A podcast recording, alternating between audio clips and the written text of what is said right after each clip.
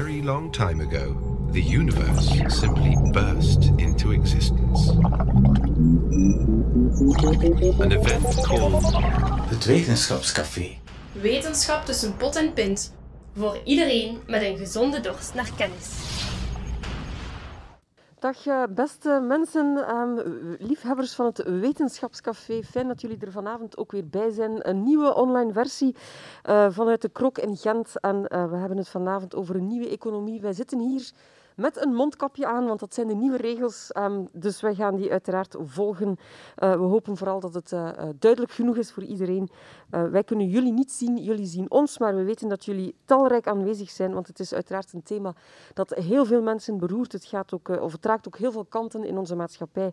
En een coronacrisis waar we nog altijd middenin zitten, legt ook vaak pijnpunten bloot, um, creëert momentums om veranderingen te organiseren. En daar willen we het misschien vanavond ook wel over hebben.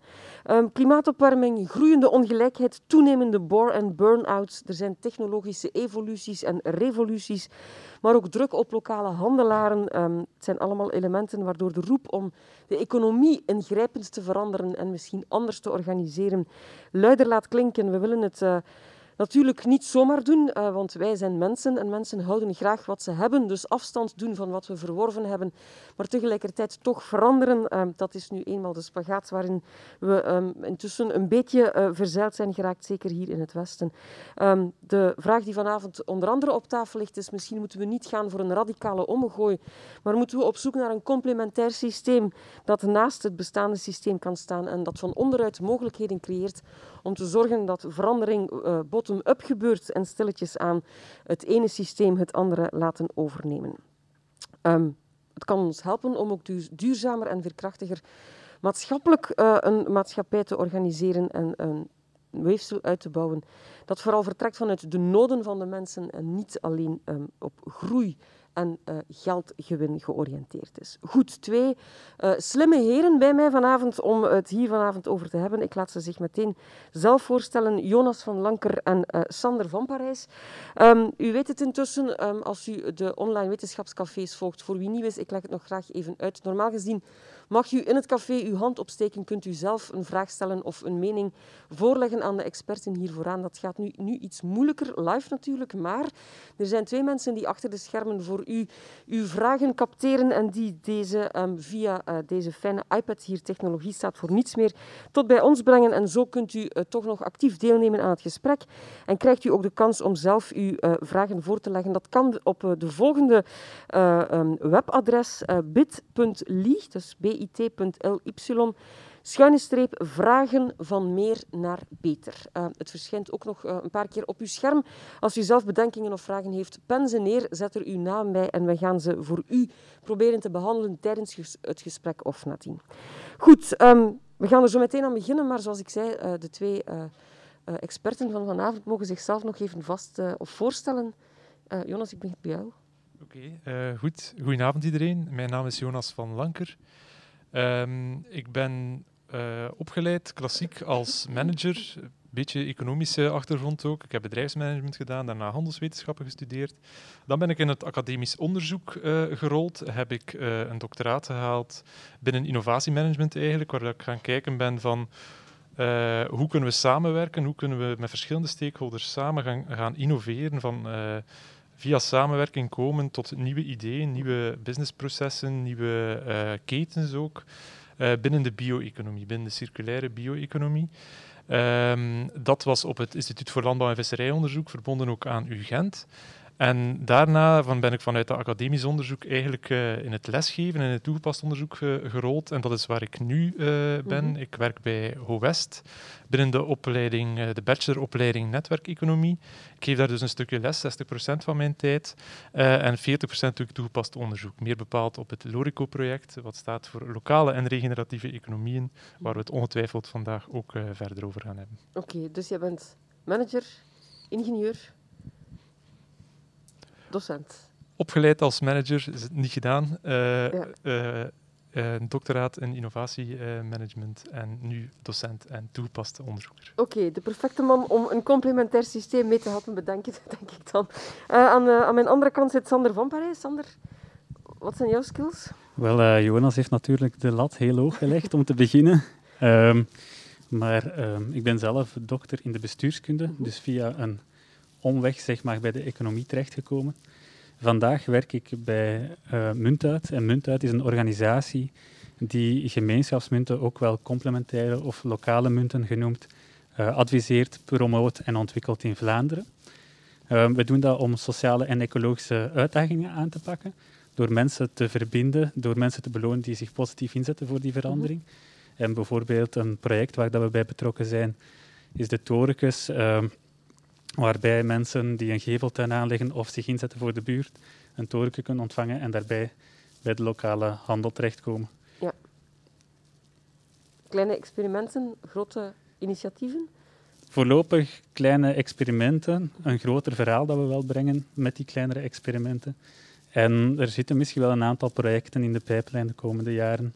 Um, en de coronapandemie is in die zin niet alleen een uitdaging, maar ook een uitnodiging, denk ik, om uh, na te denken hoe dat andere uh, systemen, andere instrumenten ons kunnen helpen om onze beleidsdoelstellingen te halen. Ja. Want uiteindelijk die sociaal-ecologische uitdagingen waar ik het daarnet over had, dat zijn ook de uitdagingen die de Verenigde Naties geformuleerd hebben in de Sustainable Development Goals in 2015.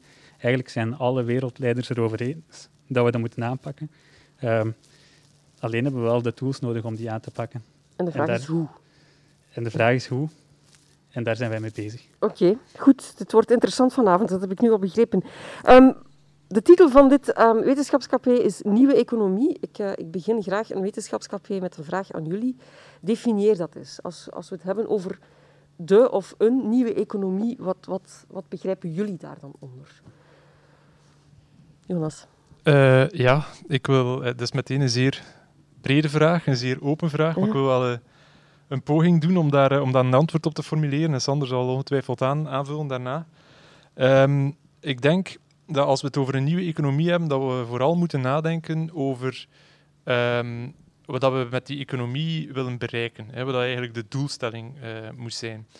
En ik kan me niet van het gevoel ontdoen, en, en ook als we naar de realiteit kijken, dat we misschien de laatste jaren een beetje in een, in een middeldoelverwarring zijn verzeild geraakt. Mm -hmm. hè, waar we eigenlijk moeten eh, gaan een keer echt ons goed moeten de vraag stellen ja, economie. Hè. Een, simpele, een simpele manier van, van, van voorstellen zou je kunnen zeggen, ja, dat, dat, dat is handel drijven met elkaar. Hè. Dat is zorgen dat, dat iets dat ik heb en dat Sander nodig heeft, dat ik dat aan Sander geef en Sander geeft mij iets in de plaats. En, eh, en dat is iets dat, dat ik nodig heb. En van het moment dat Sander uh, dat misschien niet heeft, dan kan ik hem een munt in de plaats geven en dan kan ik dat mhm. bij jou gaan inwisselen, omdat dat voor mij niet interessant wordt. Hè. En zo, zo ontstaat een economie en uiteindelijk is dat met als doelstelling lijkt mij dat we het alle drie samen beter hebben, omdat we elkaar kunnen helpen en dat we mhm. uiteindelijk er alle drie uh, beter van afkomen.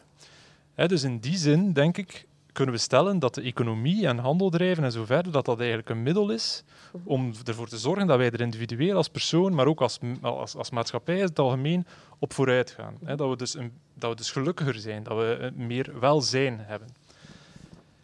En we hebben misschien de laatste decennia wat te veel gefocust op het omgekeerde. Hè? Dat we eigenlijk beginnen kijken zijn van hoe, hoe, hoe kunnen wij als maatschappij er toch maar voor zorgen dat we die economie ten goede komen. En dat die economie groeit en dat, die economie, eh, dat het goed gaat met die economie en dat het goed gaan van die, eh, met die, van die economie, dat eigenlijk de doelstelling is geworden. Mhm. En dat wij hè, als maatschappij, als mens, maar ook onze planeet, hè, dat dat het middel is om die economie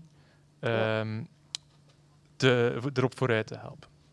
Mhm. En ja, misschien kan ja, ik, ik, ik sluit me daarbij aan. Die doelverdwazing is, is echt wel een belangrijke om vanavond mee te geven, denk ik. Um, de economie is een middel om maatschappelijke doelen te bereiken en niet omgekeerd. Ik denk dat Jonas daar uh, echt de nagel op, nagel op de kop slaat. Nu, op zich zijn er, laat ons zeggen, de afgelopen decennia drie verschillende paradigma's geweest als het gaat over de relatie economie versus maatschappij. Um, het traditionele paradigma zeg maar, is dat je je economie hebt uh, op zichzelf. En de milieu- en de klimaatproblematiek, de sociale problematiek, dat zijn externaliteiten. Mm Die gaan we als economen niet meenemen in onze analyse. Of die gaan we als externaliteiten beschouwen.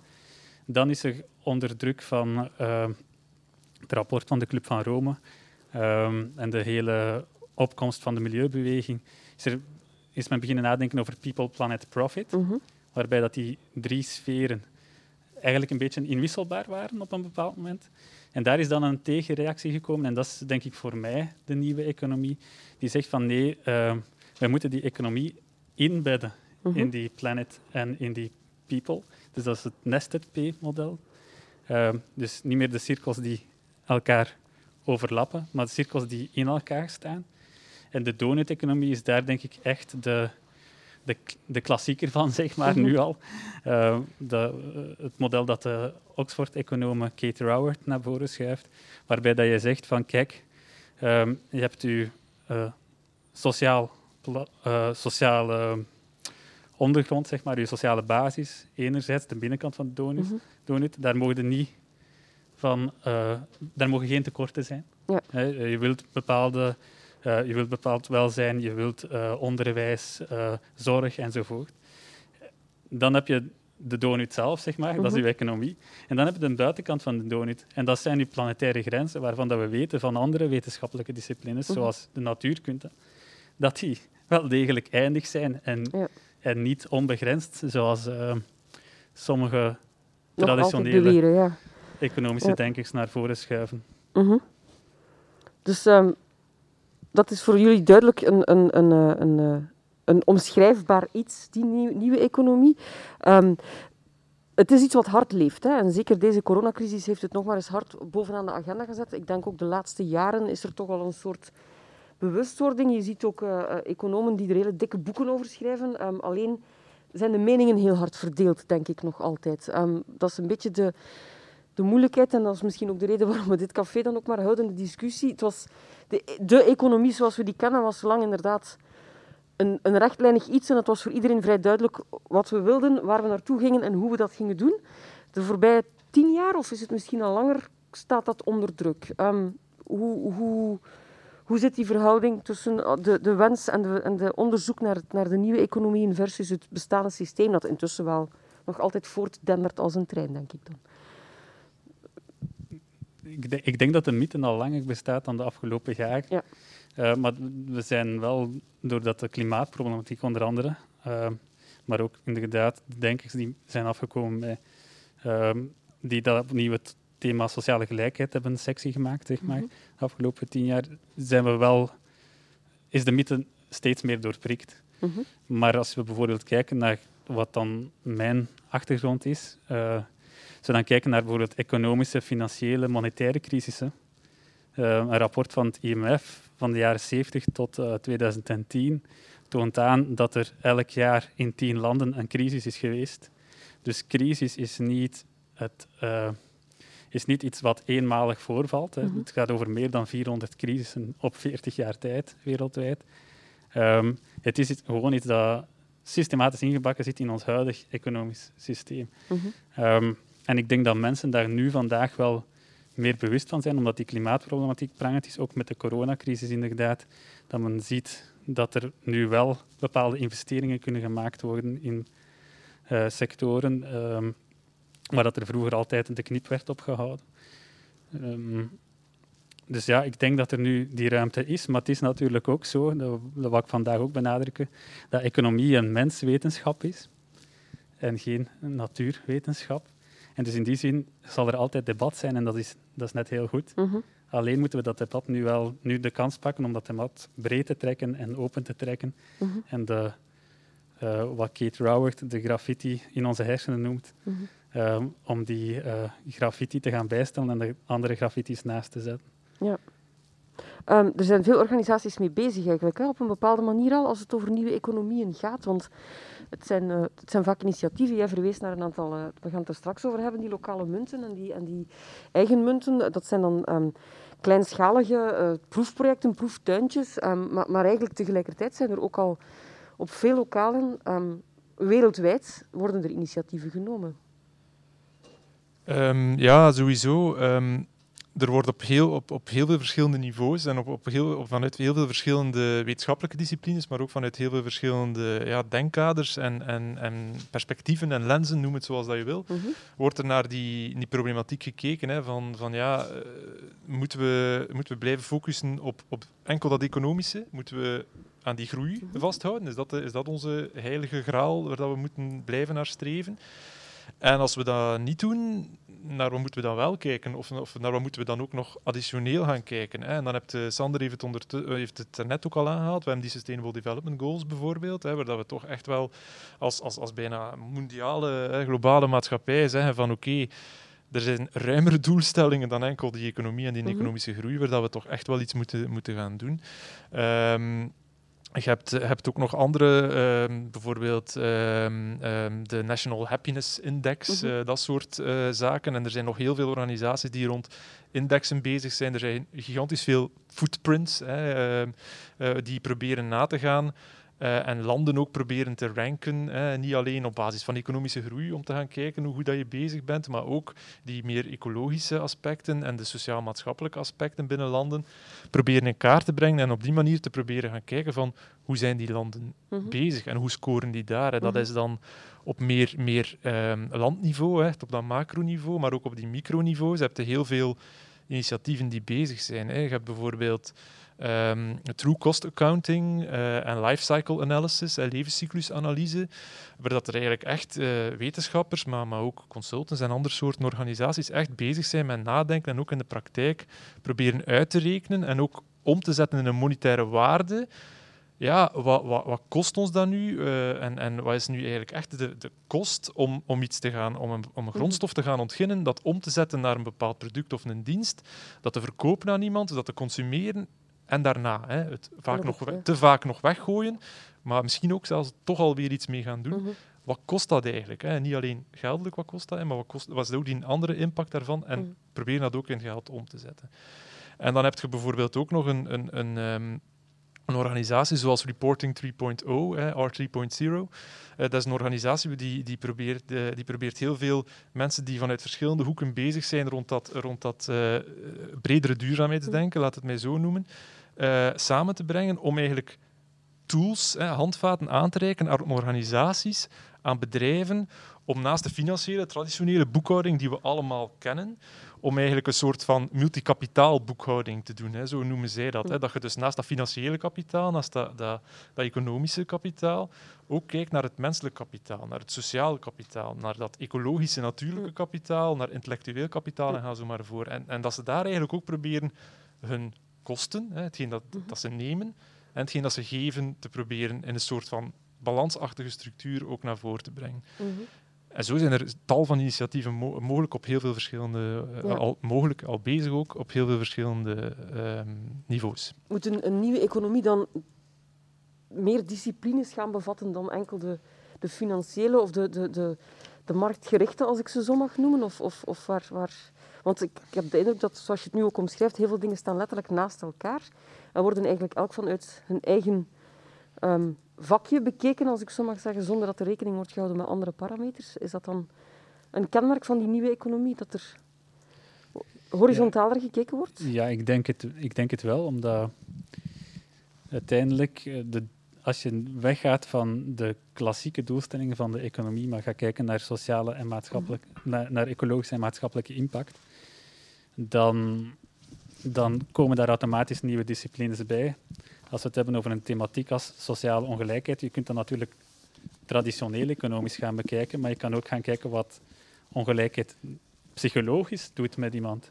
Uh, en dat is ook heel belangrijk om, uh, om mee rekening te houden als je die nieuwe economie of uh, maatschappij gaat vormgeven. Je kunt ook gaan kijken naar sociale cohesie. Dan hebben we mensen nodig van de sociologie, denk ik. Mhm. um, dus ja, ik denk dat het antwoord, en wat is een oud zeer op de universiteit, een grote frustratie, misschien een van de redenen waarom dat ik ook uit, uit de universitaire wereld ben, ben weggegaan, is dat, dat, dat transdisciplinair denken, dat dat echt nog... Um, dat daar echt nog heel veel werk is. En, en dat, is, dat is heel jammer.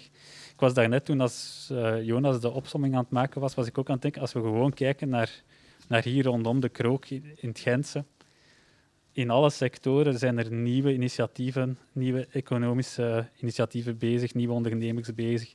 Je hebt, de leiding bijvoorbeeld die nadenkt over hoe dat ze anders kunnen omgaan met, met, met waterdistributie en eigenlijk kraantjeswater terug populair maken. Je hebt uh, woonkopen die dat een heel nieuw businessmodel uitdenkt. Echt revolutionair voor, voor Vlaanderen, denk ik, dat je bij jezelf gaat huren en niet bij een ander. Je hebt uh, Partago die dat autodelen gaat promoten op een, met een nieuw businessmodel. Dus er is best veel creativiteit, er is best veel ondernemerschap in verschillende sectoren. Um, en en dat, is, dat is ongelooflijk hoopvol, denk ik. Um, en het toont aan dat er ook heel veel potentieel ligt in die, in die nieuwe economie. Um, is, het, is het anders handelen of is het anders denken? Um, het is de beiden, denk ik. Mm -hmm. het, is, het, is, het is de beiden. Hè. We, moeten, we gaan anders moeten denken en daardoor zullen we anders handelen, mm -hmm. uh, denk ik. Hè. Het is een beetje zoals, zoals Sander daarnet aanhaalt. Hè. We gaan, en, en, eigenlijk ook een beetje nog altijd een antwoord op uw vorige, op uw mm -hmm. vorige vraag. Ook we moeten, we gaan veel, we moeten ve veel meer in systemen denken. Hè. We moeten veel meer gaan denken in termen van alles is geïnterconnecteerd. Hè. Je hebt systemen en subsystemen en zo verder. En die hangen allemaal op een bepaalde manier aan elkaar. En, en zoals dat Sander ook in een van de vorige uh, antwoorden zei, hè, we, we, bekijken de economie traditioneel als iets dat op zichzelf staat. Hè, en alles wat dat milieu is, alles wat, dat, wat dat de impact op de mens is, dat is extern daaraan. Hè. Het woord externaliteiten, dat is daar mm-hmm. externe. Maar dat is eigenlijk, hè, dat is makkelijk om dan berekeningen te kunnen maken. Hè. Ja. Daarvoor is dat heel gemakkelijk en daarvoor werd dat ook gebruikt.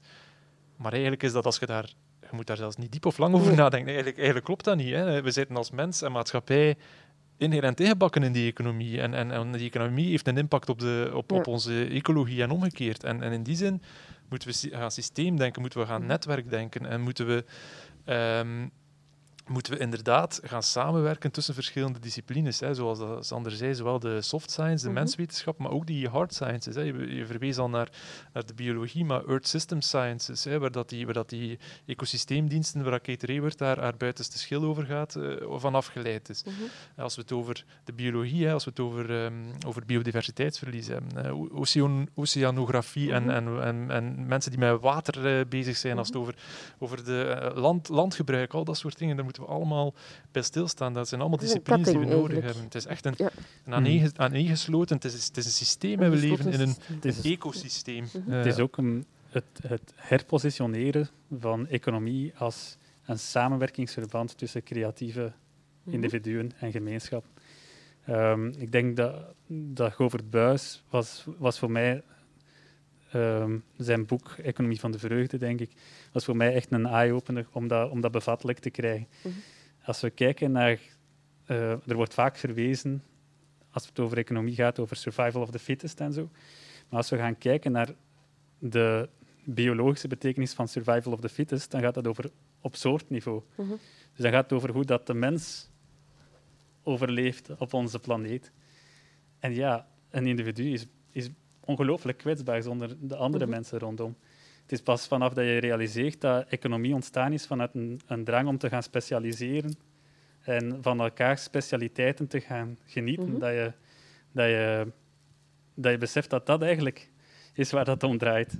En waar de waarde zit natuurlijk. Ja. Het, gaat erover eigenlijk om, om, dat, om dat blikveld terug open te trekken. Mm -hmm. Omdat um, het voordeel, en dat is denk ik wat Jonas ook net heeft aangehaald, het voordeel van een aantal dingen als externaliteit te gaan beschouwen in uw analyses, is dat je heel heldere en mooie analyses kunt maken. En, en dat is ook zo.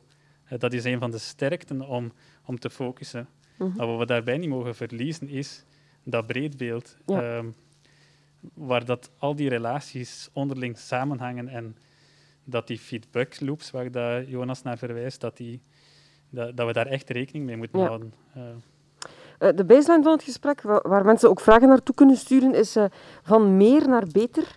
Um, dat is ook een roep hè, die je vaak hoort nu, de degrowth. We moeten stoppen met te, te willen blijven groeien. Die groei is eindig. We lopen op een aantal grenzen aan.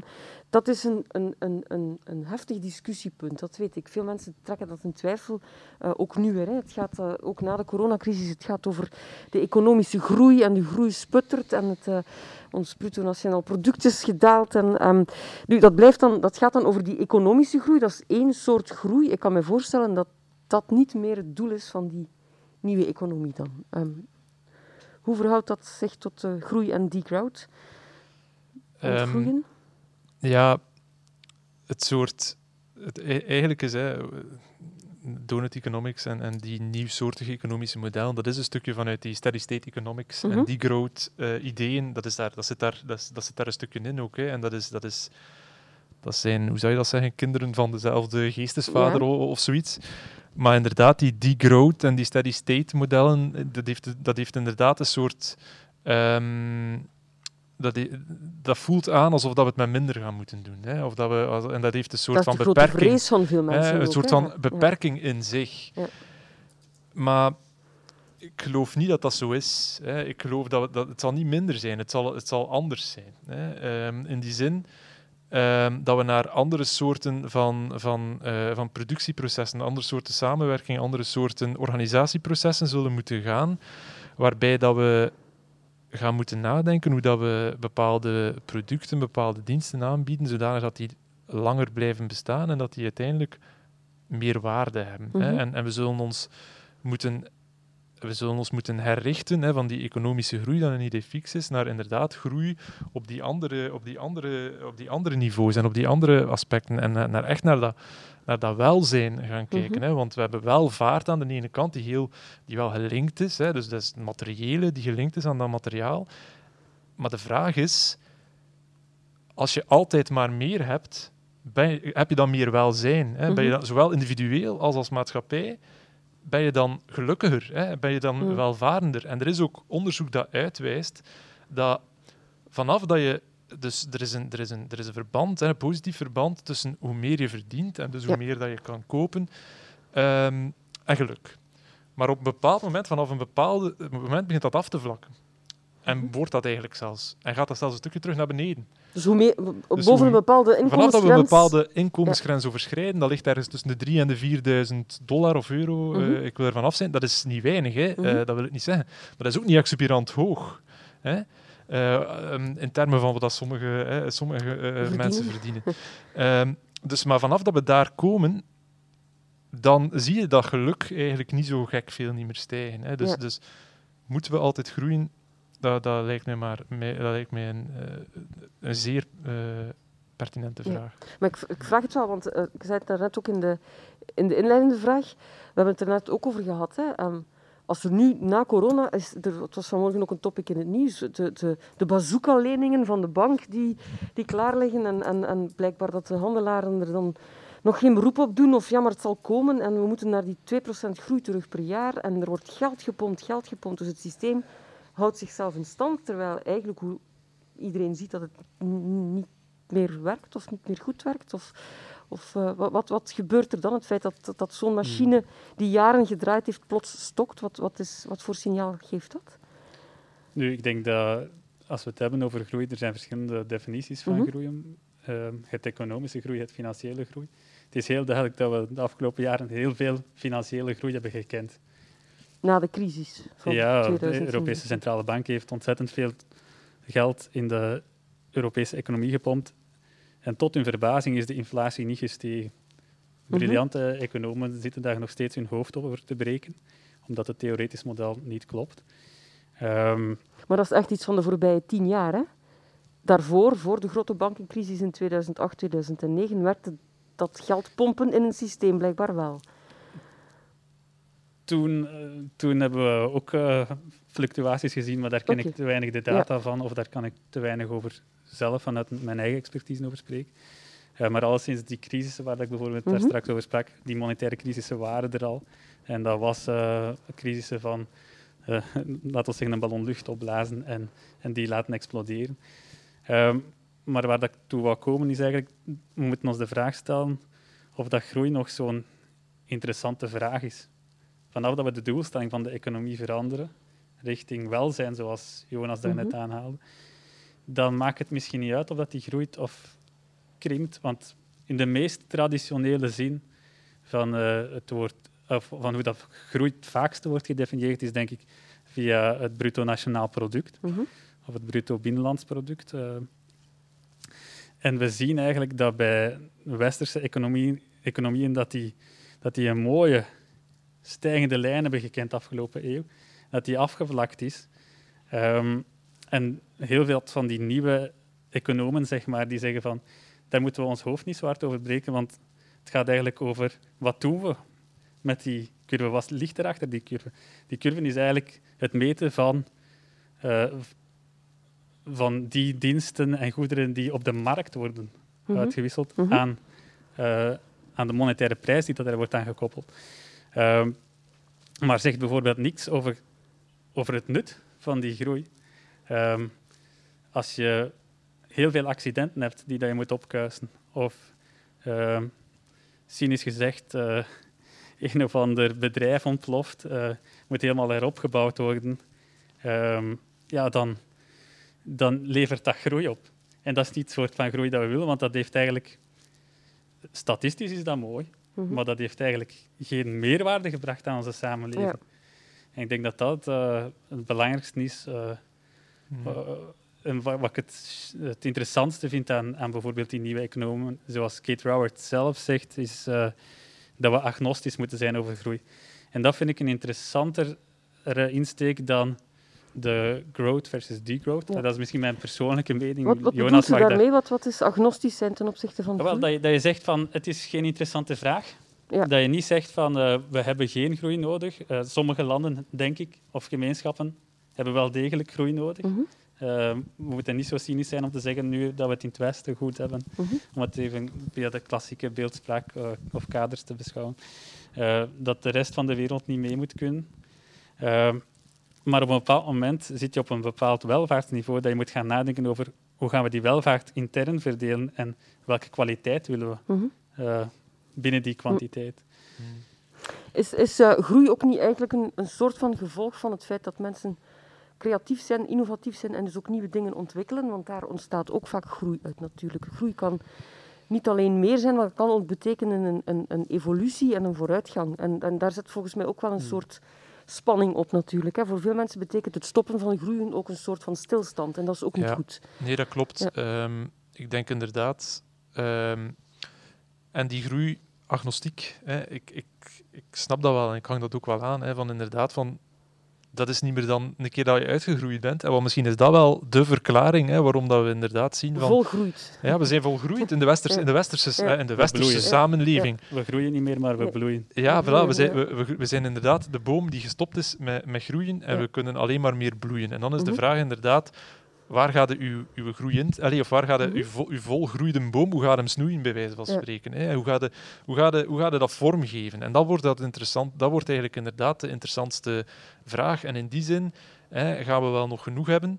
Uh, om te, de, er is eigenlijk al genoeg. Hè. We zien mhm. eigenlijk nu mhm. al dat met heel veel dingen um, die eigenlijk nog perfect marcheren en dat er eigenlijk nog niet veel aan scheelt, dat we die weggooien. Hè, omdat mhm. we iets nieuws willen, omdat we, omdat we een stukje wijs gemaakt worden, hè, dat, we, dat we dat nodig hebben en omdat we daar mensen ons proberen te zijn, dat dat onze identiteit ook mee, mee, bepaalt.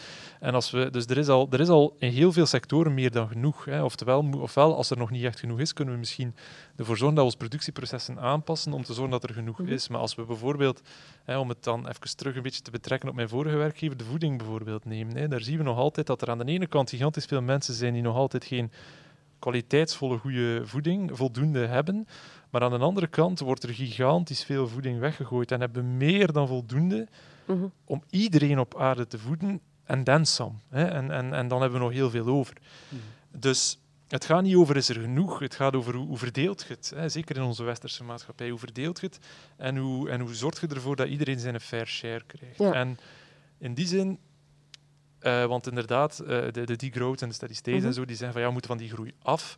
Maar ergens vind ik het ook zeker als brug, hè, want als je over transitie spreekt en zo, dan moet je iedereen ook meekrijgen. En dan moet je ook misschien een stukje de, de, hoe zal ik het zeggen, de oude taal of de traditionele taal of de taal die mensen gewoon zijn, een stukje gaan spreken om ze een stukje mee te nemen in dat verhaal minstens. En in die zin vind ik het wel interessant om toch die groei misschien toch mhm. Daar toch dat, dat, dat stukje die groei, het, zeker die metafoor mee te nemen, hè, dat we, omdat we als mens, hè, we, die groei, dat, dat, dat, dat heeft een soort accomplishment, hè, dat heeft een soort van, we verwezenlijken iets, we gaan vooruit in zich. Mhm. Dus als we als we inderdaad kunnen spreken, ja, we gaan er ecologisch op vooruit. Hè. We groeien ecologisch door, door, hmm. door weer opnieuw te gaan herstellen, hè, door te gaan regenereren. Of we gaan hmm. er sociaal, we gaan er maatschappelijk op vooruit. Hè. We gaan een aantal andere parameters doen groeien. Hmm. In die zin, en dan gaat het over, zoals Sandra net ook zei, dan gaat het over wat willen we doen groeien? Hè? Waar, waar, waar, waar, hechten we waarde aan? Hè? Hoe definiëren we wat dat waardevol is? Waar investeren we ook in letterlijk? Waar investeren we dan ook? Uh, um, jij had het over het binnenlands uh, het, het, uh, het BBP, of het BNP, sorry, ja. twee letterwoorden door elkaar. Um, nu, dat gaat vaak over welvaart. Uh, we hebben het al een paar keer mm -hmm. gehad. Het is een beetje ook welvaart, welzijn, welvaart in diensten van het welzijn. Mm -hmm. um, wat, wat zouden parameters kunnen zijn om mee te nemen om, om misschien een welzijnsindicator te maken in plaats van een welvaartsindicator? Hoe, hoe, hoe zouden we dat kunnen aanpakken? Ik denk dat Jonas daar het beste kan op mhm. antwoorden. Mm -hmm. um, wel, dan, dan, gaan we, dan, dan moet je eigenlijk op zoek gaan naar de verschillende parameters waarin dat, dat uiteenvalt. Hè. En dan moet je mhm. echt gaan, dan moet je echt eigenlijk naar de disciplines gaan. Wat welzijn hè, betekent. Hè, wat, dat wel, wat betekent welzijn? En ook daar kan je een hele boom over opzetten natuurlijk, hè, over wat dat welzijn al dan niet betekent. Hè. Maar dan, dan kun je naar traditionele uh, coëfficiënten uh, die ongelijkheid bijvoorbeeld gaan proberen in kaart brengen, uh, gaan kijken. Dan kun je naar uw, als, dat is dan op het sociale, -hmm. um, maatschappelijke en uw, uw educatiegraad. hoeveel burn-outs, hoeveel bore-outs dat, er, -hmm. dat, dat, je tegenkomt, hoeveel andere psychologisch welzijn te gevolgen van, van maatschappelijke elementen dat er, dat er -hmm. nog voorkomen.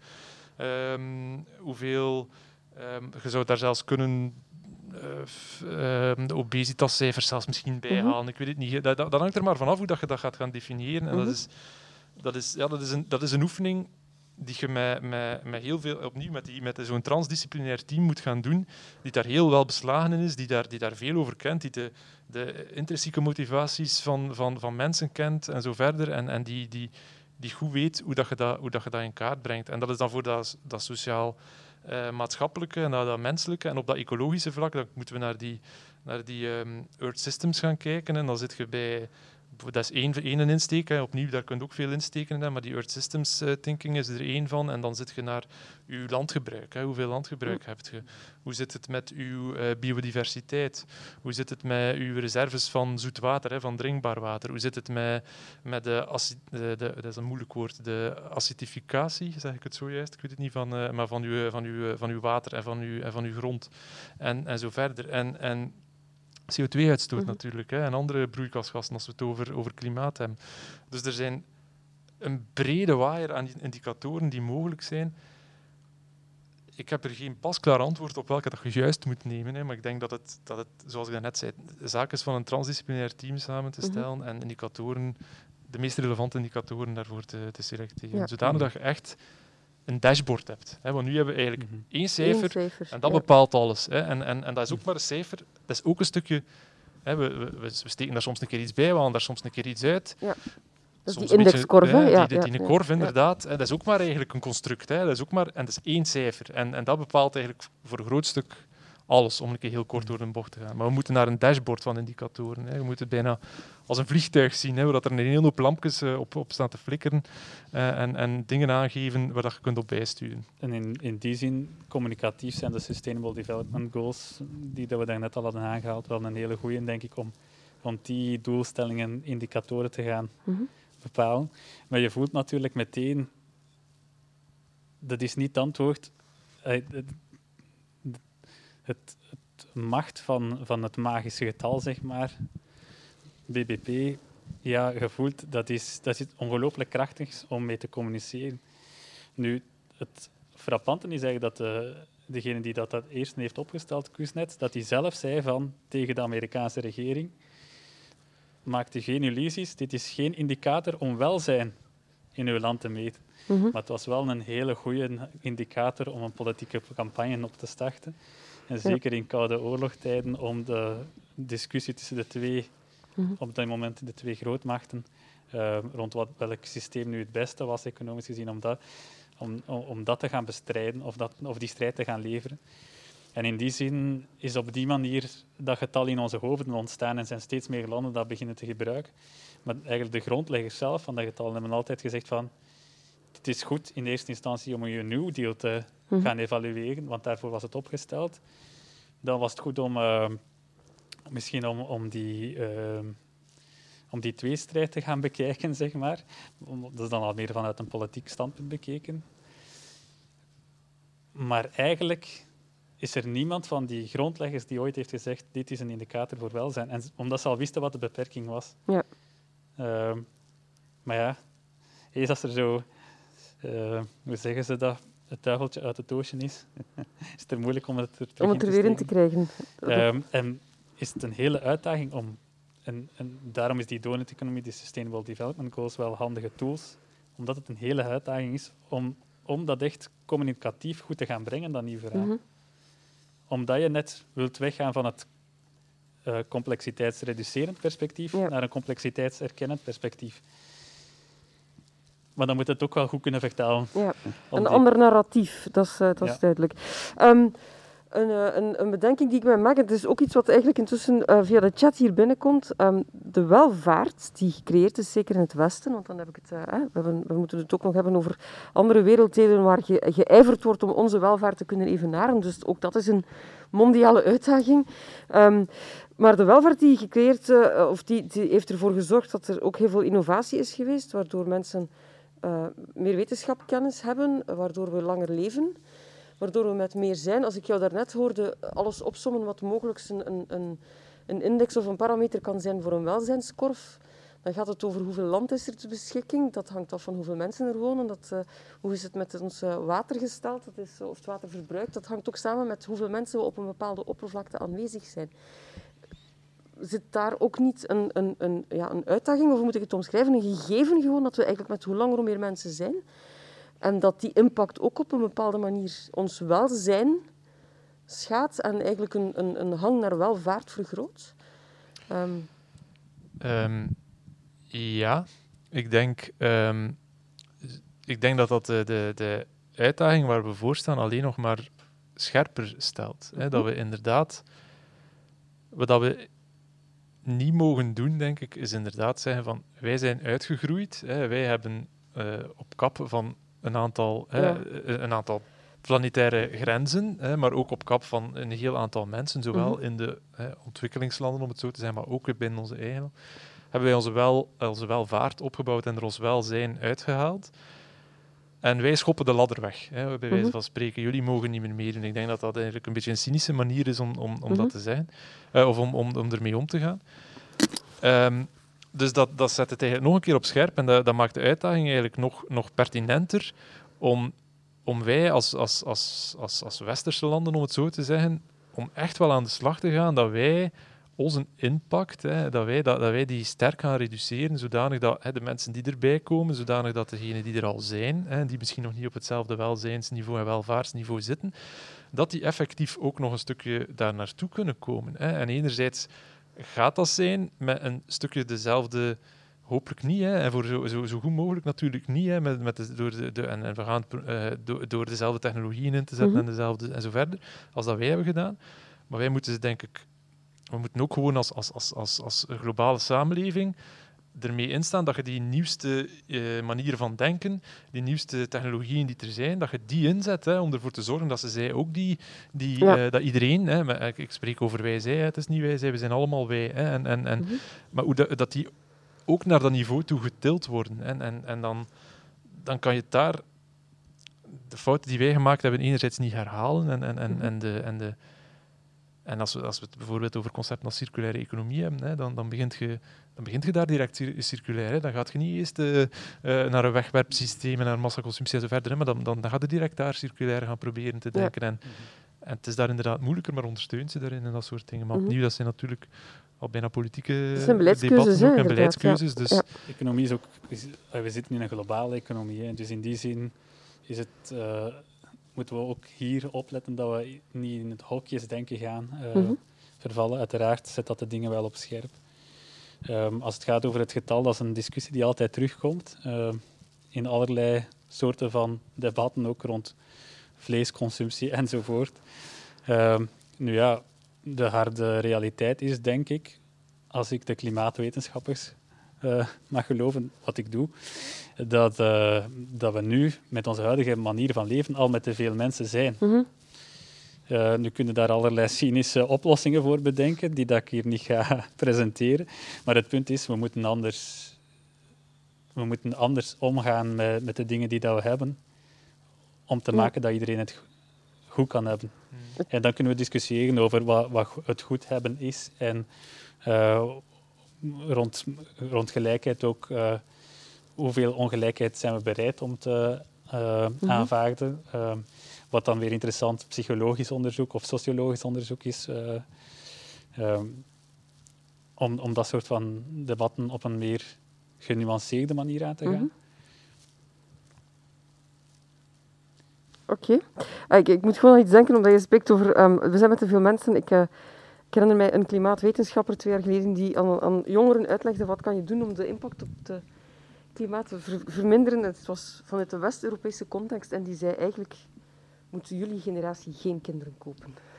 Want die zei er wordt elders op de wereld voldoende uh, er lopen, in, in, heel veel landen heb je, ja, een populatie, in, landen in Afrika hebben, hebben een, een, vierde van de populatie is jonger dan 25 die, die gaan het wel, als je het mondiaal bekijkt natuurlijk, nu, dat is een zeer rare boodschap om te brengen, want zo werkt het natuurlijk niet. Hè. Ja, um, het is ook een... Je zegt ook van, je kan de ladder niet wegschoppen hier en dan tegen anderen zeggen van, nu herdenken we even en jullie moeten mee. Um, er is, ja. Het is ook een heel mechanische boodschap om ja. te brengen. Hè. Het is heel instrumenteel. Um, het ontbreekt weer nuance. En ik denk dat waar dat we het verhaal gestart waren vanavond, mm -hmm. was met dat we meer perspectieven moesten binnenbrengen. Ja meer nuance moesten binnenbrengen. Um, dat, is, dat, is, onze kritiek op traditioneel economisch denken, zeg mhm. maar. Mm -hmm.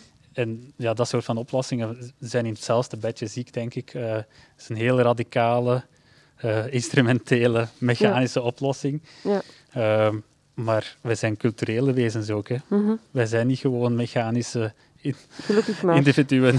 Gelukkig maar. Als je het hebt over die economie terug, um, wat, wat je zegt van, um, um, het is eigenlijk op zich een, een, een oud systeem. Hè. Als we kijken naar de denkkaders die we kennen,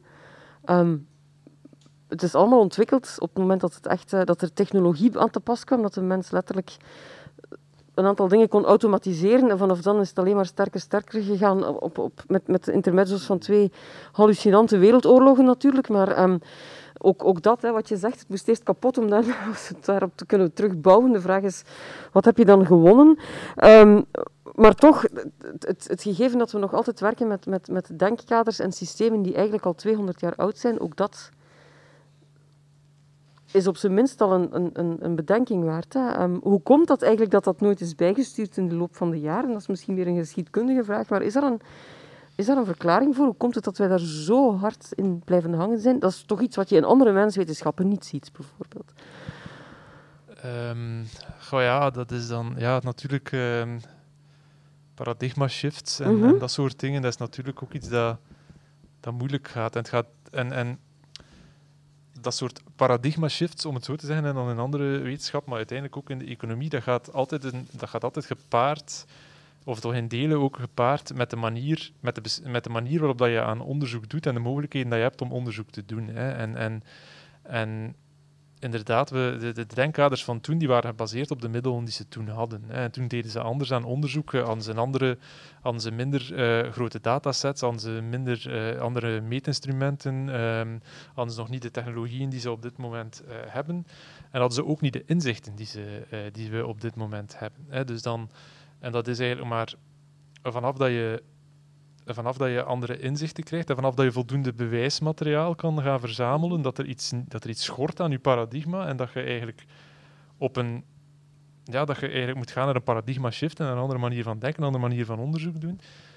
Pas dan begint zich dat te draaien. Hè. Mhm. En, en enerzijds zien we nu, we zien eigenlijk dat in de die een draai, om het zo te zeggen, dat die begint ingezet te zijn. Mhm. Er, wordt altijd, er wordt meer en meer inzicht verworven van ja, de manier waarop dat we aan het denken waren, hè, zoals dat we het daarnet zeiden, hè, vanuit die verschillende mhm. wetenschappelijke hoeken krijgen we inzichten van ja, maar ja, pas, pas op hoe dat we het eigenlijk gedaan hebben.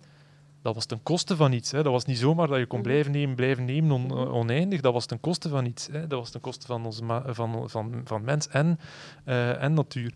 Um, uh, het, de, de, homo economicus, de homo rationalis, hè, als, als de zijnde een, een alles wetend hebben dat eigenlijk ook opnieuw op voorhand eigenlijk al bijna weet dat het niet, niet, klopt.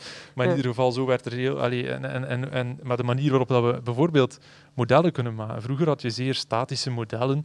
Uh, nu kun je naar agentgebaseerde modellen gaan, zonder mm heel hard in detail te gaan. Maar dat zijn zeer dynamische modellen, waar dat je eigenlijk verschillende soorten actoren, mm hè, mhm. verschillende soorten mensen, groeperingen kan bepaald gedrag gaan geven. En dan zie je daar een emergent, daar zie je daar fenomenen uit ontstaan. Dat is mhm. zeer dynamisch, dat is zeer dan kan je die complexe realiteit, waar we in leven veel meer gaan benaderen dan in de oude statische modellen van vroeger. Mm. En we zien dat door die inzichten, hè, zowel binnen de economie zelf, maar ook binnen de, binnen de menswetenschappen die eraan leunen, als de, de, meer harde wetenschappen, dat dat ervoor zorgt dat we echt wel anders gaan denken, dat dat die paradigma-shift is ingezet.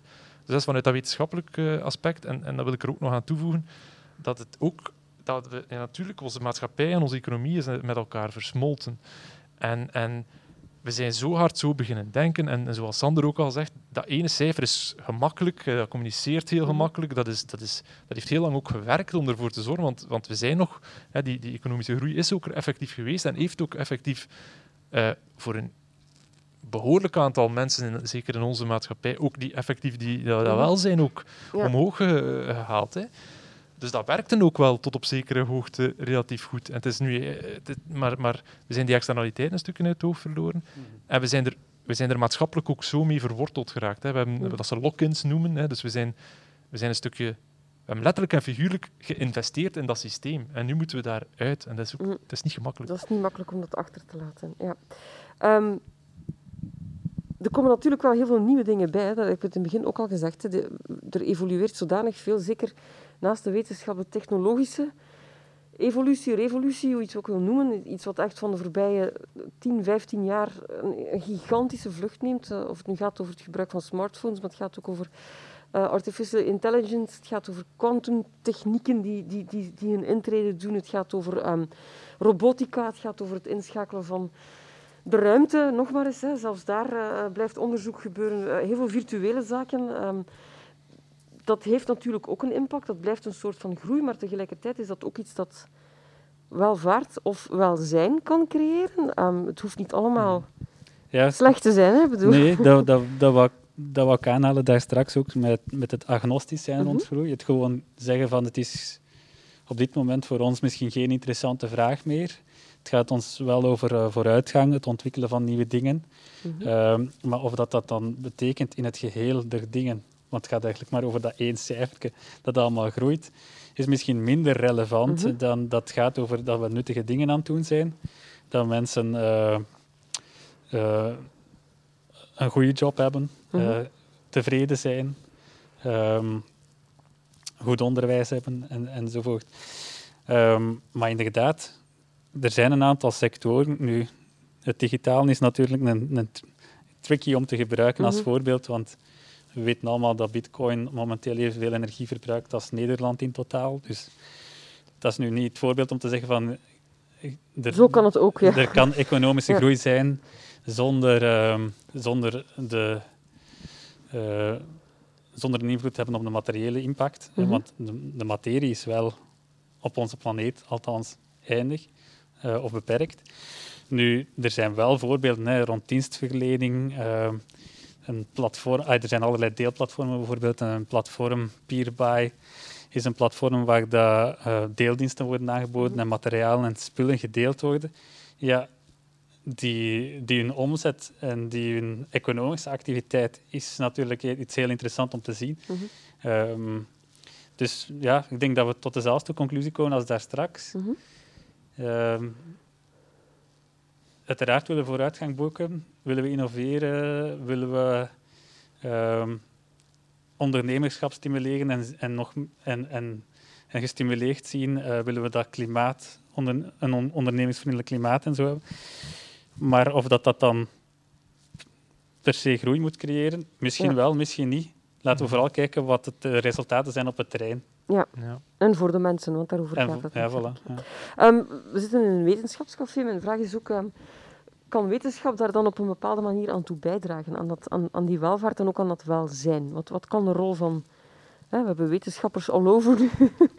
De, voor sommige momenten tot vervelend toe, maar het zijn wel mensen die vanuit feiten vertrekken. Maar um, je gaf aan het transdisciplinaire in wetenschap is ook wel noodzakelijk, maar kan dat een, een meerwaarde betekenen in, in, in een concept als een nieuwe economie? Ja, ik denk het wel. Um, wat ik daar net zelf in het gesprek aan aan het denken was, was bijvoorbeeld vanuit de bestuurskunde hebben we een heel kader rond transitiegovernance en uh, transitiemanagement. Uh, ik zelf gebruik liever de term transitiegovernance, omdat dat meer dat politieke uh, meeneemt.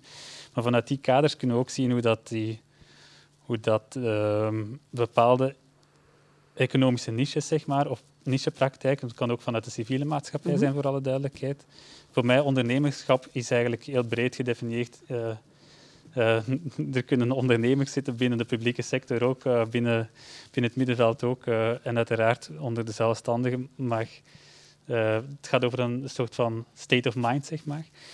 Um, even een kort zij, zijspoor genomen. Um, en daardoor mijn draad kwijt. Nee, of wat, wat de rol van wetenschap kan zijn als het gaat over.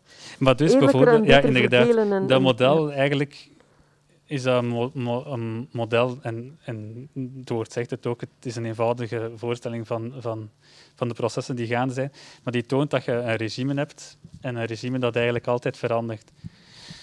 Er zijn twee manieren waarop dat, dat regime kan veranderen. Dat is vanuit landschapsdruk. Mhm. Klimaatcrisis is daar dan het meest gebruikte voorbeeld van. Of en vanuit niches die inhaken op die landschapsdruk, waardoor mhm. dat de regime op zoek is naar nieuwe oplossingen. Iets wat ik zelf uit mijn onderzoek heb meegenomen, uh, is dat, dat heel wat beleidsondernemers, daar is het woord weer, eh, dat zijn de interessantste figuren wat mij betreft binnen alle publieke administraties. Er zijn eigenlijk mensen die continu oplossingen aan het verzamelen zijn en wachten op problemen om een oplossing aan te koppelen. Dus heel vaak denken we van er is een probleem en er wordt een oplossing mhm. gezocht. Er hebt proactieve mensen overal zitten die dat, uh, heel veel interessante oplossingen aan het verzamelen zijn en die dan op het juiste moment koppelen, wanneer dat het moment er is. Mm de, de, de, wel, Geef daar eens een voorbeeld van. Dat ah, ja, want daarnet in, het, in het voorgesprek er, er even over uh, een stad als Charleroi gaat het komende jaar 4 miljoen euro equivalent in een lokale munt stoppen. Een eigen munt. In een, eigen munt, ja, Om, om de lokale handel te stimuleren. Nu, die oplossing bestond al. Mhm. Ehm, maar het probleem was niet prangend genoeg. En ineens zagen een aantal beleidsondernemers binnen de stad, Charleroi, um, de kans om, om dat terug op de agenda te plaatsen met de juiste argumenten en binnen het juiste tijdskader en context. Mhm. En daarom is het belangrijk om uh, verschillende kleine praktijken en experimenten te gaan uitvoeren, ook vanuit de wetenschappelijke wereld. Uh, actieonderzoek te gaan doen, omdat wij op die manier de oplossingen kunnen aandragen voor de problemen van morgen. Ja. Een stukje vooruitlopen, een stukje foresight, ook zien wat de tendensen zijn. Mm -hmm. Het Lorico-project vind ik een heel mooi voorbeeld van uh, het project waar dat mhm. Jonas en ikzelf uh, samen met Fairfin en Heponomy in zitten. Uh, waarbij dat we echt kijken van oké, dit zijn de tendensen, dit zijn de uitdagingen. Als we naar een alternatief economisch systeem willen denken, of een complementair economisch mhm. systeem, dat we, een term dat we veel liever gebruiken dan alternatief, mm -hmm. uh, dan, uh, dan is het nu misschien het moment om te gaan experimenteren in een community met twee concepten die ons heel interessant lijken, basisinkomen mm -hmm. en lokale munt, en hoe dat we die gekoppeld krijgen, mhm. om daaruit lessen te trekken en te maken dat de beleidsondernemers van morgen klaarstaan om, om met die oplossing te komen wanneer dat echt prangend wordt. Ja. Waarmee dat ik niet wil zeggen dat nu voor mij niet al redelijk prangend is. Ja. Maar de vraag is wanneer is het, het prangend en voor wie is dus het dan prangend? De bestuurskunde geeft ons een interessant perspectief om dat soort van dingen te benaderen. Um, ik vind sociologisch en historisch onderzoek ook heel, heel, mhm. heel relevant. Uh, om een aantal dingen in context te plaatsen. Ehm, als het bijvoorbeeld gaat over een heel moeilijk concept, maar uh, uh, faire ongelijkheid. Mm je kan ongelijkheid kan je vanuit normatieve theorie bekijken. En dat, is, dat, dat levert ons een heel boeiend debat op en een debat dat gevoerd moet worden. Maar je kan ook gaan kijken naar hoe de, uh, mensen dat percipiëren. En dan zien we bijvoorbeeld, als je vraagt naar de loonspanning die mensen bereid zijn, gemiddeld genomen in de westerse wereld, dan is dat de, de mensen thuis kunnen zelf de oefening maken. Hoeveel zou mijn baas uh, meer mogen verdienen dan ik? Hè? In, uh, in, een factor uitgedrukt. Is dat twee keer meer? Is dat vijf keer meer? Is dat honderd keer meer? Uh, denk er even over na, zou ik zeggen. Maar alleszins gemiddeld genomen, Christian Felber kwam daar een paar jaar geleden mee af, blijkt dat tien keer te zijn. Nu, als je dat weet en daarnaast de feiten die vanuit de wetenschap dan worden aangedragen, legt, dat in veel bedrijven het een factor 50, factor 65 is. Uh, in Amerika in een paar extreme gevallen een factor 280 is, dan voelt je dat dat, dat, dat iets doet met je sociale cohesie en met het welzijn van je mensen. Uh, en dat soort van debatten kunnen we rijker maken door die verschillende analyses naast elkaar te leggen. Um, een vraag die, die ik daar graag bij laat aansluiten, die hier al uh, enige tijd op mijn, op mijn uh, iPad staat.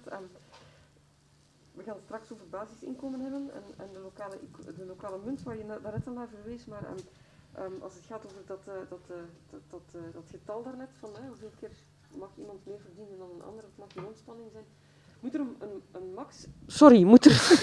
Oh, pardon. Het is puur gewoonte.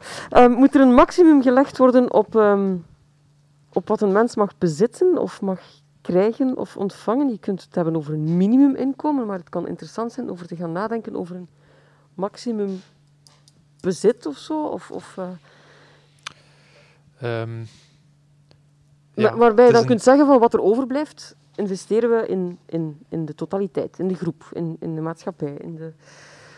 Ja, het is een interessante, het is een interessante vraag en het is zeker een, een, een debat waard, hè, die we denk ik echt wel, wel moeten voeren. En, en het is een debat die eigenlijk wel gevoerd wordt en mhm. die, die, die wel aan de gang is. Maar ik denk inderdaad wel dat we, dat we naar, hè, dat we naar een, een, een, solide minimum moeten gaan, mhm. inderdaad, voor, voor iedereen. En tegelijkertijd dat er ergens ook wel zoals dat Sander zegt, er mag een soort van faire ongelijkheid zijn. Hè. Er, mhm. mag, er mag zeker een soort van loon naar werken zijn. En op zich, ter persoonlijke titels spreken, hè, mag dat op zich wel vast zijn. Hè. Die loonspanning die dat ik kan verdragen zal misschien iets hoger zijn dan de gemiddelde, de gemiddelde mens, misschien wel zelfs. Mhm. Ehm, maar daar zijn grenzen aan. Hè. Je voelt inderdaad van op een bepaald moment is het genoeg. Hè, en, en, en, en, want dan, wordt dat, dat voelt dat niet meer fair. En, en zoals het, het, het, het onderzoek hè, met de curve van, van, mm vanaf dan, wordt het, worden er eigenlijk ook degene die het krijgt niet meer zo echt gek veel dus wat netto nog gelukkig van. ja. ja, niet, niet wat is, ja, ja, maar op zich. Hè, en, en, dan, en dan kan je dat inderdaad, hetgeen dat je van bovenaf roomt, gebruiken om, om onderaan bij te steken. Ja. Om het een beetje, een beetje het gaat over herverdelen. Ja, het is ook te gaan herverdelen. Ik denk dat dat wel okay. een klassieker hè, in het debat, denk ik. Herverdeling. Uh, ja. Heel ons belastingstelsel is erop gebaseerd. Dat. Nu, dat zijn politieke keuzes om te maken, denk ik. Wat ik wou aangeven is vooral dat dat, dat, dat heel belangrijk is om daarover na te denken. Mm -hmm. En daar die, die mhm. connectie te leggen met wat we bijvoorbeeld kennen vanuit de sociologie. Maar ook wat we kennen uit de psychologie, het hele schaarste denken. Mm -hmm. Als, en dat is een belangrijke naar het thema van vandaag, denk ik. Als je weinig hebt, dan gaat die schaarste in jouw hoofd zich uh, uh, jouw, jouw denken gaan kaderen. Mm -hmm. um, we weten uit psychologisch onderzoek dat, uh, dat de stress bij mensen die dat schaarste gevoel hebben gigantisch hoog is. Ja. En dat die stress maakt dat je heel creatief kunt denken, maar ook heel korte termijn denkt. Mm -hmm. En ja, wat we net nodig hebben is een lange termijn perspectief mm -hmm. en wat ademruimte om de lange termijn te zien. En dat is bijvoorbeeld dan weer een inzicht dat we uit de psychologie kunnen meenemen richting dan een basisinkomen of een mhm. gegarandeerd inkomen. Dat dat, dat ongelooflijk veel ruimte ook creëert, kansen creëert om breder te gaan denken, langer dan je neus lang is. Mm -hmm.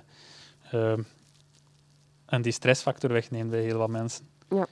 En langer dan één generatie ook best. Um, We hebben het al een paar keer gehoord. Ik denk niet dat ik jullie tot de um, extremisten of de radicale economen mag, mag, of nieuwe economen mag rekenen. Het gaat over transitie. Um, een pleidooi toch hoor ik voor, voor overgangsfasen, zorgen dat iedereen mee is, dat mensen het verhaal volgen, nieuwe narratieven.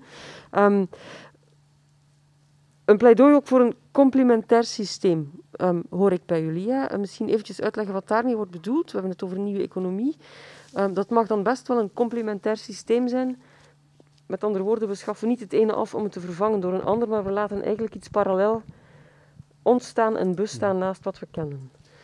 Ja, ik, ik denk dat uh, een belangrijke inspiratiebron voor Muntuit is Bernard Litaar, voormalige directeur van de Nationale Bank, een van de grondleggers van de voorloper van de euro, mm -hmm. um, die zelf ongelooflijke fan is van lokale munten. Um, en ook uh, heel wat ideeën heeft aangereikt om dat, om dat in de praktijk mm -hmm. te brengen. Nu, een interessant model dat hij heeft aangebracht, uh, of beeld dat hij heeft aangebracht um, in een rapport van de Club van, van Rome, is dat, dat we moeten nadenken over um, de schaal van enerzijds veerkracht, anderzijds efficiëntie. Waar gaan we, waar gaan we, uh, waar gaan we landen? Je kunt mm -hmm. doordrammen op efficiëntie en dan krijg je eigenlijk... Het is eigenlijk een ecosysteembeeld wat hij geeft. Hè. Je hebt eigenlijk een continuum, zegt hij, van efficiëntie versus veerkracht. Mm -hmm. En um, hoe veerkrachtiger dat je wilt zijn, hoe meer uh, verschillende variaties dat je wilt hebben, hoe meer verschillende geldsystemen dat je bijvoorbeeld wilt hebben, mm -hmm. om daar even op toe te passen. Hoe efficiënter dat je wilt gaan, hoe minder uh, systemen dat je wilt hebben. Je wilt één uitgedacht systeem. Mm -hmm. Als je wilt gaan naar een duurzaam optimum, dan wil je gaan naar een variëteit van systemen dat niet uitschiet in veerkracht en een gebrek mm -hmm. van efficiëntie. En anderzijds wil je ook niet uitschieten in het uiterste van maar één antwoord en um, dat wel super efficiënt is, maar als het faalt, ook zeer efficiënt is in het falen. Ja. Dus wat je eigenlijk wilt doen, en daar, dat is het punt waar ik wil toe komen in antwoord van uw vraag, is je wilt verschillende complementaire munten bijvoorbeeld, of systemen, economische systemen opzetten, die elkaar aanvullen in hun zwaktes en in hun sterktes. Mm -hmm. um, elk met zijn sterktes en elkaar aanvullen op hun zwaktes, waardoor dat je veel robuuster bent. Het voorbeeld dat hij geeft is, als je een gewas aanplant op één veld, één soort gewas, er is een bepaalde plaag, ja, heel je oogst is mislukt. Als je gaat nadenken over verschillende gewassen op diezelfde locatie planten, dan wordt je, ecologisch systeem op die plek veel robuuster. En daarom is het complementaire verhaal veel interessanter. En als je het gaat positioneren als een alternatief verhaal, dan val je in dezelfde valstrik dat je zegt van er is maar één antwoord mogelijk. Er zijn eigenlijk verschillende interessante antwoorden mogelijk. En dan, dat gegeven moet ook koesteren. Je moet niet gaan zeggen het is allemaal goed, mm -hmm. want dan, dan is het natuurlijk niet efficiënt. Mm -hmm. um, maar wel heel veel krachtig, maar misschien dat we, ja. dat ons ook niet verder brengt. Um, maar je wilt ook niet gewoon met de, de one-shot oplossingen komen die dan de rest van tafel vegen, omdat dat een heel gevaarlijk spel is. Ja, het moet, moet uh, um, multidisciplinairder ook hier, of, of uh, diverser in plaats van een, een, een, een monocultuur, hoorde ik jou daarnet vertellen. Um, dat is iets waar jullie binnen jullie project met Loreco ook mee bezig zijn, dacht ik. Hè? Of, of om toch te zorgen dat er een aantal complementaire dingen naast elkaar staan. Misschien moet je dat project eens even wat meer kaderen ja. en, en, wat dat inhoudt. Ja, klopt. Um, wel, dus wat we met Loreco proberen doen, is um, een, een, van de concrete antwoorden proberen te geven op wat dat zo'n complementair systeem, hoe dat, dat er zou kunnen uitzien. En je kunt dat soort complementaire systemen, je kunt dat op veel manieren uitdenken, maar wij hebben daarin een bepaalde keuze gemaakt. Um, met een aantal componenten in. Hè. Dus uh, LORICO is een, is een acroniem, uh, denk ik dat de, dat de juiste term daarvoor is, hè, voor uh, lokale en regeneratieve economieën, of eigenlijk zelfs lokale en regeneratieve ecosystemen. Mm -hmm. hè, waar, dat we, waar dat wij er dus voor kiezen om een complementair systeem op te zetten op lokaal niveau. Wij hebben dat lokaal niveau, wij, definiëren dat om, om, om daar een beetje een grootorde van te kunnen geven op gemeente, uh, stadsniveau, uh, dorpsniveau misschien zelfs. Hè, dus waarbij dat we enerzijds niet te klein willen zijn om, om, om bepaalde risico's, zoals dat er niet, niet genoeg waarde in uw systeem zit, uit te sluiten. En anderzijds ook niet, niet gigantisch groot te worden, omdat je dan anders uh, ook weer risico's komt om te dicht tegen die monocultuur bijvoorbeeld uit te gaan komen. Dat zijn risico's die daar bijvoorbeeld aan verbonden kunnen zijn als je weer te groot wordt. Dus dat lokale. En dan kiezen we er ook voor om om die, om die waarde die, in de, die we in die, in die lokale economie willen gaan versterken, hè, want dat is uiteindelijk de doelstelling, die lokale uh, economie en ecosystemen gaan versterken en, en, en, terug gaan herwaarderen, om dat op die, op die brede waarde uh, te gaan bekijken. Hè. Niet enkel de economische waarde, hè, dus niet enkel de lokale handel uh, gaan versterken, maar ook opnieuw gaan inzetten op het herstellen van het sociaal-maatschappelijke weefsel. Hè. Dus om, om, mhm. opnieuw te gaan proberen dat sociaal-maatschappelijke weefsel te laten openbloeien en tegelijkertijd rekening te houden met de natuur en de omgeving en te zien hoe dat we daar opnieuw kunnen gaan aan, aan herstel werken, hè. Aan, aan, regenereren, aan teruggeven. Uh, en niet alleen do no harm, maar zelfs ook probeer terug te geven. En daar proberen we te ondersteunen en daar proberen we uh, systemen rond op te zetten. En zoals dat Sander daarnet al heeft aangehaald, twee van de belangrijke componenten waar dat we, daar, uh, dat we daarvoor, twee van de hefbomen die we daarvoor gebruiken, is dus een complementaire munt, hè, een, een, lokale munt, mhm. een stadsmunt of een gemeentemunt, uh, of een dorpsmunt, of een wijkmunt. Hè. Als het zelfs op een groot wijkniveau zou, kan het zeker ook. En anderzijds een, een basisinkomen of een gegarandeerd inkomen, hè, in, uitbetaald in die munt. Dus dat, zijn, dat is eigenlijk een beetje um, waar dat het, waar dat het, uh, het, het, toegepast onderzoeksproject eigenlijk inhoudt. Oké, dat betekent dat jullie um, experimenteren dat daar tot, uh, um, of dingen proberen uit te rollen. Daarvoor heb je de mensen zelf nodig. Zijn dat dan zaken die jullie gaan uitleggen en instigeren? Of is dat eigenlijk al omdat er initiatieven gaande zijn en dat jullie die proberen te capteren? Hoe moet ik dat zien? En wat is dan meteen daar, daarbij aansluitend, hoe pak je dan zoiets best aan? Wacht je tot er initiatief komt of ga je het beleidsmatig, wetenschappelijk instigeren? Co-creatie. Co-creatie is daar inderdaad een participatief uh, onderzoek. Hè. Dat zijn de, co-creatie en participatief onderzoek zijn daar de buzzwords die daar van, mm van toepassing zijn, denk ik. Hè, waarbij dat we... dus in veel meer meer academisch onderzoek dat zeker ook zijn waarde heeft. Hè. Daar wil ik zeker, uh, zeker uh, onderschrijven. Hè. Daar, is de bedoeling om, om echt uh, fundamentele kennis te gaan mhm, creëren mhm, en wetenschappelijke mhm. papers daarover te schrijven.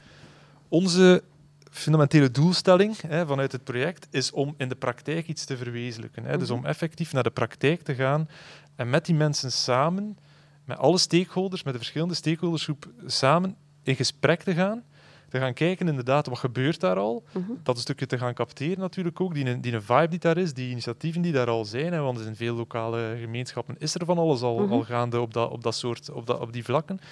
Te gaan zien van ja, oké, wat, wat gebeurt daar? En hoe kunnen wij met onze concepten dat gaan verrijken, dat gaan versterken. Mhm. En eigenlijk samen met hen in, in dialoog gaan. En wat wij hebben inderdaad vanuit, vanuit onze inzichten, vanuit onze achtergronden, bepaalde ideeën, hoe dat je de puzzelstukjes mhm. in elkaar legt. En misschien best in elkaar legt, maar vooral ook hoe dat je ze beter niet in elkaar legt om, uh, om, om bepaalde dingen te vermijden. En dan ga je samen gaan zoeken welke puzzel dat je juist legt en in welke, in welke context de verschillende dingen moeten uitgerold worden. En mhm. welke hendeltjes dat je een beetje aandraait en welke dat je mhm. beter aanzet en wat dat je beter afzet en dat mhm. soort dingen. Dus het is echt vanuit dat co-creatieve, participatieve manier van handelen dat we met iedereen in, in, in dialoog gaan om tot een gedragen oplossing uh, te komen. Hè. Dat top-down werken is ook zo, ook zo een model dat eigenlijk niet, al, niet zo goed marcheert. Hè. Je kunt beter van, van, van, van, vanuit de grond vertrekken. Zeker omdat we met, met nieuwe concepten werken. Hè.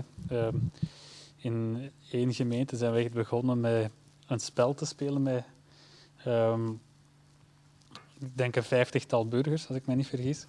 Die daarop, af, die daarop afkwamen. Uh, ja. Eigenlijk uh, in de gemeentelijke in de gemeentelijke feestzaal. Het ehm, ontmoetingscentrum. Mhm. Ontmoetingscentrum is de naam. Um, op een avond tussen de twee coronagolven, zeg mhm. maar, uh, komt daar toch 50 man op af vanuit verschillende organisaties en verenigingen en actieve burgers. Ze hebben nog niet zoveel gehoord van dat verhaal, maar ze hadden wel al geëxperimenteerd dat, uh, binnen, bij de start van de coronacrisis met met een lokaal munt om de lokale handel te ondersteunen. Eigenlijk echt gewoon uh, bottom-up. We gaan gewoon beginnen met een, een bonnetje voor de lokale handel. zeg maar. Ja, Daar hebben we op ingehaakt en we zijn dat spel beginnen spelen waar dat we eigenlijk twee spelrondes hebben.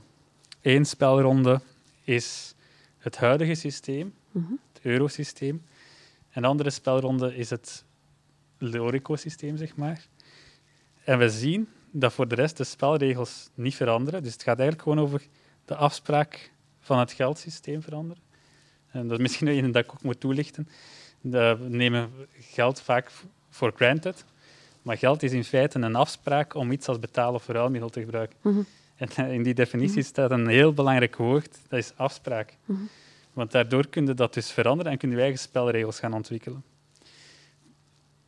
Blijkt dat als wij de spelregel aanpassen, dat de mensen in het eerste spel het gevoel hadden dat ze competitief bezig waren, dat ze, dat, dat ze in een winners-losers game zaten. Mhm. Het gewin van de ene gaat ten koste van de andere. Gaat ten koste van de andere. De spelregel wordt aangepast. Ah, dus het hele spel blijft hetzelfde, maar die ene spelregel, het geldsysteem, wordt aangepast. En men, gaat, men komt terecht in een coöperatief spel. Mhm. Men begint elkaar te helpen, men begint uh, elkaar te doneren. En dat is trouwens ook iets wat we in de praktijk zien, bijvoorbeeld in lokale munten in Bergen, Buurtijd, Talento mm -hmm. in Roeselaar, Torkes in, in Gent. Dat, dat mensen ineens solidariteit herontdekken. Mm -hmm. uh, ja, dat, is, dat is een frappante vaststelling, want uiteindelijk zit nog altijd je bent met dat economisch systeem bezig en, en, mensen beginnen ook anders te gaan denken. En daarom is dat belangrijk, die spelsessie, en dat is waar dat ik toe wil komen. Dat is dat je, dankzij dat ervaringsgerichte, mm -hmm. dat je hun laat ervaren wat het verschil is. En dat werkt tien keer beter, misschien zelfs honderd keer beter, mm -hmm. dan een droge theoretische uitleg Ja. en zeggen van kijk, dit is het nieuwe modelletje, we gaan dat Mhm. nu toepassen. En dus op die manier loopt er eigenlijk een proces waarbij dat ik eigenlijk niet weet of dat we de gemeente mogen vermelden, Jonas. Het is daarom dat ik het eh, in het midden laat. Waar dat we binnenkort ook bij het Scheepcollege gaan terechtkomen Mhm. om, eh, om, om het hele project te gaan toelichten. Maar waar dat we eigenlijk al een basis gecreëerd hebben met lokale handelaren, met lokale Mhm. organisaties. Naast die spelsessie ook een inspiratiesessie met verschillende voorbeelden. Zowel rond lokale munten als rond basisinkomen. Mhm. eh, van succesvolle experimenten. En dat we eigenlijk de community warm maken om, om daar hun eigen ontwerp van te maken. Om dat hun eigen te maken.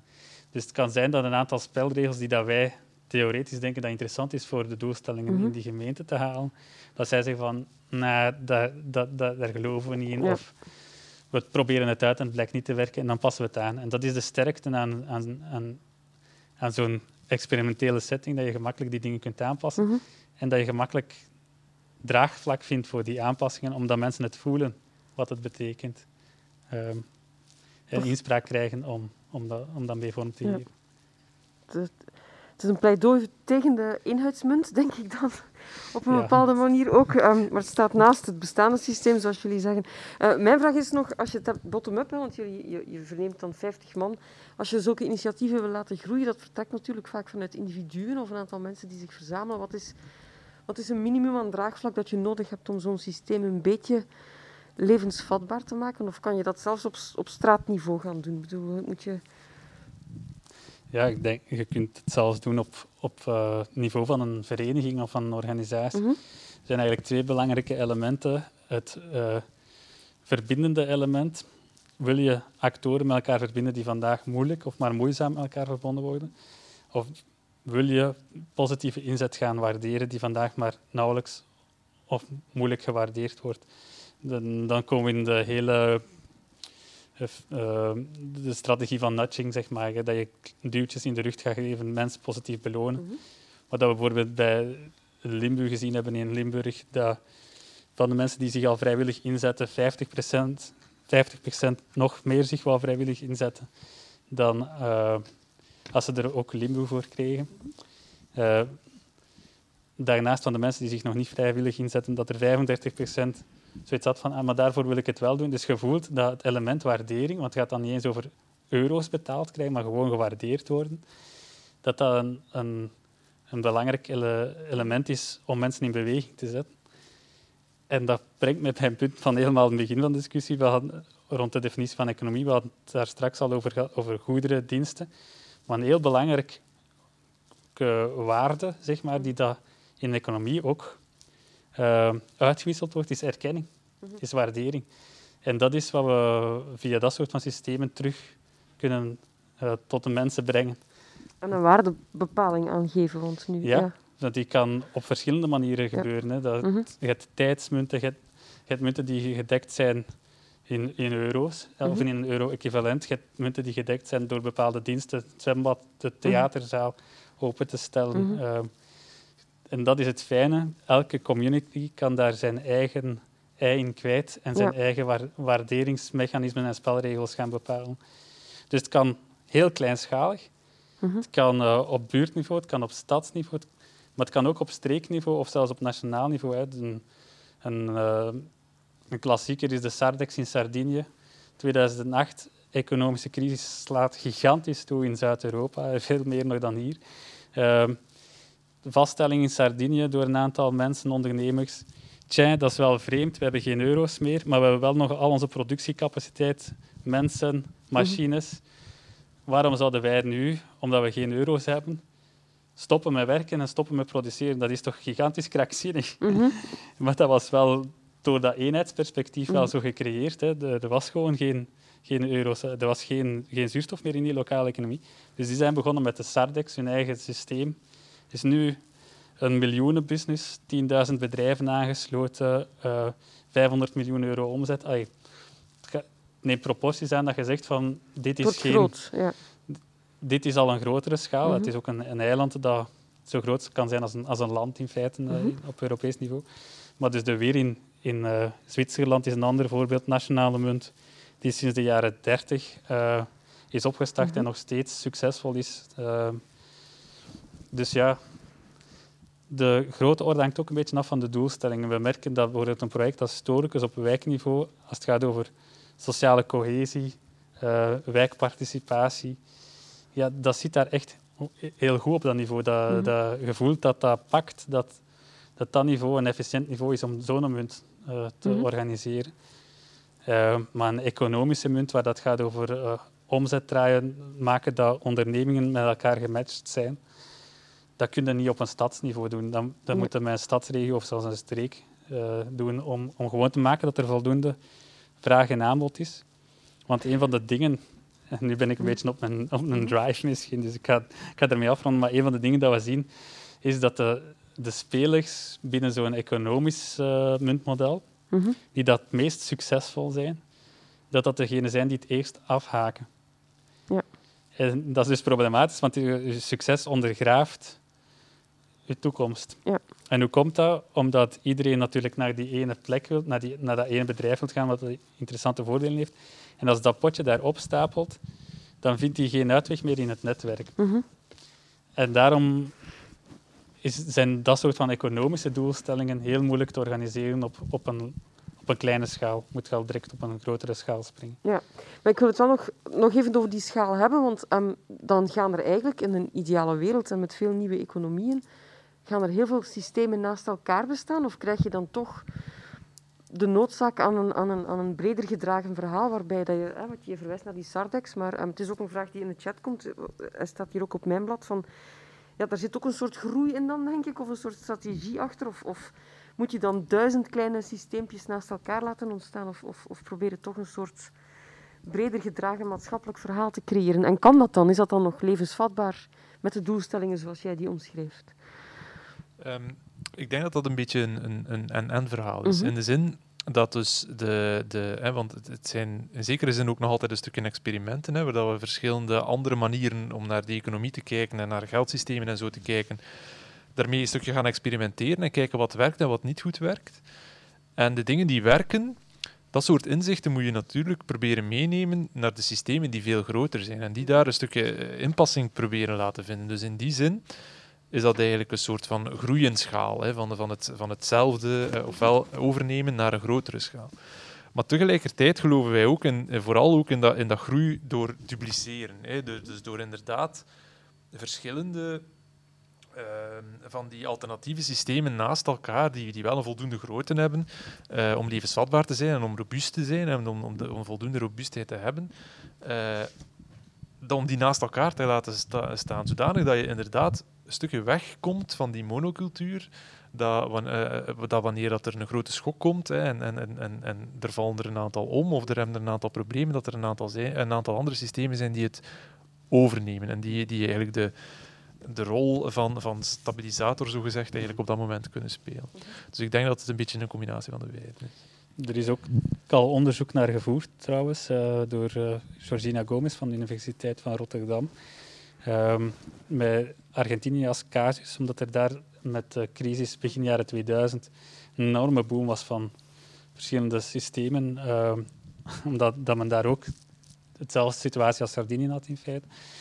Um, en men heeft daarvan ge, uh, gebruik gemaakt, van die gelegenheid gebruik gemaakt om, om echt te gaan kijken van hoeveel systemen kunnen mensen eigenlijk managen, want dat was daar op een bepaald moment niet te doen, zeg maar. Uh, in de honderden systemen. En we weten eigenlijk dat mensen gemakkelijk, als het dan gaat over muntsystemen, waarderingssystemen, gemakkelijk drie tot vier systemen kunnen beheren in een wallet. Zolang dat het duidelijk is wat de doelstellingen van die systemen zijn. Zolang dat je weet, als je in Trabot woont, die torens zijn voor hier en voor deze doelstellingen. Stadsmunt van Gent uh, staat in bestuursakkoord. We gaan zien wat er van komt. Uh, dat is voor de lokale handel te promoten. De euro gebruik ik nog altijd voor uh, andere economische zaken en voor binnen de Europese eenheidsmarkt te gaan, gaan shoppen. Dus dat is mogelijk als dat heel helder is wat de, wat de bedoeling achter die systemen ja. zijn. En het voordeel van het digitaliseren, wat je daarnet ook aanhaalde, is natuurlijk dat het heel gemakkelijk wordt om die dingen te gaan behegen. Um, voilà. Wat ik me dan afvraag is waarom, waarom moet je om dat te kunnen bekomen werken met een ander soort munt? Waarom zou dat niet kunnen met de bestaande munt? Want eigenlijk is dat toch ook een waardebepaling. Je zei het zelf, het is een afspraak. Mm. Als we nu met z'n allen afspreken dat de euro ook dat en dat betekent? Of, of zit dat zo in ons hoofd dat we dat eigenlijk al niet meer... Dat jullie dat of wie dan ook niet meer verkocht krijgen? Ik, ik, ik, denk dat we dan nog meer in detail moeten graven naar wat die afspraak rond de euro's mhm. dan is vandaag. Um, een, groep, uh, een, uh, een, vraag naar, naar, naar, het publiek thuis misschien ook, om even over na te denken. Hoe denken jullie zelf dat die euro's in omloop komen? Um, nu, ik ga niet te lang wachten mm tot als alle mhm. antwoorden mm binnenkomen in de chat. Um, maar de meeste mensen antwoorden daarop uh, aan Nationale Bank, Centrale Bank. Mm -hmm. Nu, en dat is niet ik die dat zeg, maar dat bijvoorbeeld, uh, als je naar de website van de Europese Centrale Bank gaat, kan je dat zelf nakijken.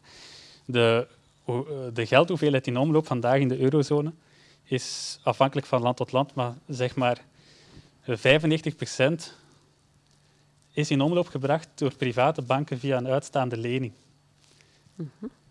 um, en dat is een gigantische mindshift. Als je, vanaf dat je dat cijfer weet, dat eigenlijk 5% gaat over geld van de mhm. Europese Centrale Bank en 95% gaat over elektronisch uitstaand geld via banken. Mm -hmm. Nu, daar is een belangrijk element aan verbonden in die afspraak. En dat is, en nu, nu, nu maak ik het even gewoon heel eenvoudig. Ik weet dat de werkelijkheid... Complexer is dan dat. Ja, ja uiteraard. Ja. Maar een belangrijk element daarin is dat die 95% die moet ook terugvloeien naar die naar die banken. En die banken die geven dat niet voor niets, die geven dat niet voor 0% rente, maar die vragen meer rente. Uh, die vragen rente daarop. Mm Dus die vragen in feite, en daarvoor moet je geen wiskundige bolleboos zijn om, dat, om, dat, uh, om, om daar je conclusies uit te trekken, die vragen eigenlijk meer geld uit de economie dan dat er beschikbaar is. Moest iedereen op hetzelfde moment moeten terugbetalen. Mm -hmm. Dus de groeimperatief, mm -hmm. financieel gezien dan, zit daar al ingebakken tot en met. Want het is alleen maar door meer te lenen dat eigenlijk die leningen kunnen afbetaald worden. En dan kan je zeggen van ja, maar ik heb zelf geen lening. Maar als je melk gaat kopen, de supermarkt heeft wel een lening. Mhm. de, de, de boer die dat, mhm. die melk heeft uh, uh, op de markt gebracht, die heeft ook uh, een lening staan. Dus, en die, die rentes stellen op. Mhm. Dus op den duur kom je eigenlijk in een situatie terecht dat er meer geld terug moet gebracht worden dan dat er in omloop wordt gebracht. En dat maakt natuurlijk dat je in dat, in dat spel komt van uh, winners en verliezers. Ja. En dat die competitiedrang wordt aangewakkerd. Mhm. En dat je gaat nadenken als slimme ondernemer van, um, en ook gewoon als burger, toekoor, van ja, welke kosten kan ik eigenlijk afwentelen op een ander? Milieukosten, uh, sociaal welzijnkosten alles wat je zelf niet moet betalen, betekent dat je meer marge hebt om in die rat race voor te kunnen. Um, dus dat is heel kort, heel mhm. eenvoudig uitgelegd wat, wat het mechanisme is. maar het is dat mechanisme en die afspraak die, dat, die dat we bijvoorbeeld vermijden met, met andere muntsystemen. Wederzijds kredietsystemen hebben dat bijvoorbeeld niet. Mhm. Ehm, andere fiat-geldsystemen hebben dat ook niet. Nee. Ehm, het, eh, wat vaak terugkomt, en dat is ook bij jullie een Loreco-project, uh, had je al aangehaald, Jonas, is dat um, het vaak gebruikt wordt om de lokale handelaren, ook een aantal ja, vrije tijdssectoren, als ik ze zo mag omschrijven, cultuur, um, een stuk sport, jeugdbeweging, dat eigenlijk binnen dat interne circuit te houden. Jij verwees naar, um, naar Sardex, dat is een groter niveau, maar je sprak ook over Charleroi. Er is een experiment uh, in Gent dat moet uitgerold worden. Er is een, een, een voorstel om in Sint-Niklaas met een stadsmunt te werken. Allemaal om die lokale handelaren, zeker ook een, een issue in deze coronacrisis. Um, dat blijft dan geld van een bepaalde groep, maar, maar kan je dat bitcoin-gewijs op een bepaald moment gaan cashen en kan je, heeft dat ook een eurowaarde of, of, of, of hoe moet ik dat zien? Hoe, um, hoe bepaal je dan een waarde um, binnen het systeem zoals we het kennen of hoeft dat niet? Um, wel, je kan daar opnieuw, hè, zoals dat Sander mhm. zegt, uh, een, grote, een groot voordeel van zo'n van zo'n munt is dat je zelf je spelregels bepaalt en zelf je afspraken maakt. En dus dat is ook een van de componenten dat je kan afspreken. Hè, van in hoeverre... Mhm Ehm, wat gaan we met dat geld doen? En inderdaad, hoe gaan we daar waarde aan koppelen? En in hoeverre is dat uitwisselbaar in euro of in een andere munteenheid? Al dan niet. Um, wat wij voor, Lorico voor kiezen, of in ieder geval voorstellen, is om dat niet inwisselbaar te maken in euro. We gaan daar wel een soort van referentiekoers aan koppelen, een soort van wisselkoers, zodat het wel duidelijk is wat dat één Lorico, om het, zo, om het te maken te zijn, één munt waard is, zodanig dat je als aanbieder van een bepaalde waarde dat, dat kan, kan omzetten, of daar, daar, daar eh, kan weten hoeveel munten dat je ongeveer moet vragen. Maar het zal, wij, wij, staan ervoor om die niet te, gaan, te, kunnen omwisselen in euro. Omdat je daardoor uh, dat, dat, dat versterkend component van die lokale economie nog extra versterkt, om het zo te zeggen. Want uh, dat betekent dat die munt op geen enkele manier de lokale economie kan verlaten, of in ieder geval de waarde die daarin zit. Hè. Want anders kan je dat gaan omzetten in euro en kan je daar natuurlijk weer opnieuw mee naar je niet-lokale economie uh, dat laten wegvloeien. Dat blijft dan lokaal en dat, dat, dan zit je met een multiplicator-effect. Dan zit dat geld uh, dat, dat gaat constant rond hè, in, in, het, in het beste geval, waardoor dat je economie en je lokale, en uw lokale uh, weefsel ook, je verenigingsleven, gaat gaan, gaat gaan floreren en eigenlijk echt, echt gaat gaan groeien. En in die zin is dat dus ook eh, een, een, een afspraak. En, ja. Maar je kan er ook voor kiezen om het, om het inwisselbaar te maken in euro. Dat gebeurt ook in sommige muntsystemen. Ja. Is dat een fysiek iets? Want voor mensen die het niet kennen, krijg, krijg ik dan iets in mijn handen of, of werk je met, met papiertjes? Uh, de beide kunnen. Hè. Um, uh, in, in de in de niet nader genoemde gemeente, waar, wij, waar, wij, mee bezig eh, waar wij mee in, in, in, uh, in gesprek zijn, daar zijn het effectief fictieve, fictieve muntjes. Ja. Uh, fictieve muntjes, niet uh, fysieke, ja. fysieke muntjes. Getonnetjes. ja, getonnetjes eigenlijk echt wel, die, die uitgewisseld worden met elkaar. Maar je kan inderdaad ook papieren, de, de Bristol Pound of de, de mhm. Brixton Pound, of beide zelfs, denk ik, zijn, zijn, zijn, zijn papieren, mm echt eigenlijk biljetten hè, met, met David Bowie en zo op, in, op een van de twee zelfs, om het ook aantrekkelijk allee, ook, om het ook een beetje marketinggewijs aantrekkelijk te maken. Ja, ja, toch, ja. Maar tegelijkertijd kan het ook digitaal en het wordt ook meer en meer ook digitaal gedaan. Wij, wij binnen uh, Lorico, ook vanuit, vanuit het aspect dat je er dan bepaalde, hè, rond, opnieuw een afspraak kan maken rond hoe gaan we met die rente om. En wij kiezen mm -hmm. ervoor om een negatieve rente zelfs uh, in te installeren, maar dat kan een negatieve rente afromen, hè, dus, dus installeren kan je eigenlijk bijna alleen maar er zijn manieren om het ook op papier te doen, maar het is veel makkelijker om dat digitaal te doen. Dus beide kunnen eigenlijk. Ja. Het is een, een systeem waarbij de mensen, de buurtbewoners, de buurt centraal staan, de, de burger. Ik kan me voorstellen dat die dan ook in dat systeem een heel belangrijke rol speelt. En, en dat is ook geen lineair systeem, daar moet over verder onderhandeld worden. Zijn dat ook processen waar jullie nu al inzage op hebben? Je kunt met een munt starten, maar ik kan me voorstellen dat er zes maanden later misschien dingen naar boven komen of dat daar discussie over ontstaat. Hoe gaat dat in zijn werk? Ja, dat, dat is zeker zo dat er uh, discussies en gesprekken over, over gaande zijn. Maar vaak wordt er gewerkt met een soort van muntraad. Ah. Um, die dat eigenlijk uh, samengesteld is uit een aantal stakeholders, vaak trekkende partners die een, uh, een aanzienlijk ondersteunende rol hebben in het, in het verhaal. Uh, maar ook burgers of deelnemers kunnen mhm. daar bij betrokken zijn, die daar kijken wat is, wat, is, wat is het aanbod van onze munt, wat, waarvoor kan je die finaal omruilen. En dat is wat dat mm Jonas daarnet ook aanhaalde. En soms wordt er gekozen dat die toch finaal voor bepaalde ehm, leden van de community kan omgeruild worden naar euro's bijvoorbeeld.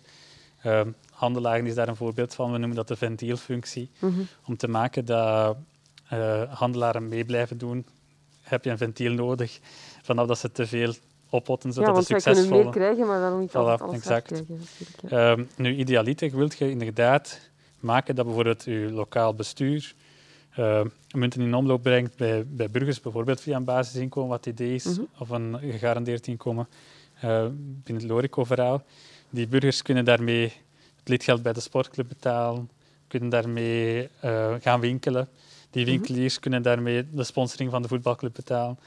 En je probeert eigenlijk zoveel mogelijk uh, circulaties, cirkels te maken in je lokaal economische en sociale weefsel.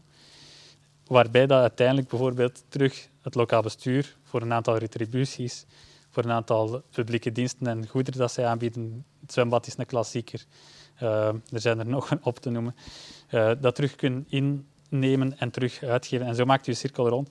Want één ding, we hebben het daar net al een paar keer gehad over geldhoeveelheid.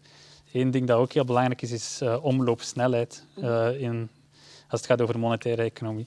En bijvoorbeeld bij de Chiemgauer in Duitsland weten we dat de omloopsnelheid ten opzichte van de euro in dezelfde streek maal drie is. Mm -hmm. dus dat is ook een goede reden om zo'n lokaal systeem te implementeren. En dat is een van de inspiratiebronnen geweest om die negatieve interest te introduceren, omdat dat nog meer stimuleert om eigenlijk, wat, wat komt erop neer? Als, u, als je je munt op je, op je gsm laat staan, op je smartphone laat staan en je doet er niets mee, dan verliest die waarde. Ja. Die waarde die verdwijnt niet, die wordt bijvoorbeeld in een, in een gemeenschappelijke pot gestoken. We hebben gezien uh, in, uh, in, in, bij de Chiemgauer dat men ondertussen zo'n 650.000 euro heeft ingezameld op die manier. Mm -hmm.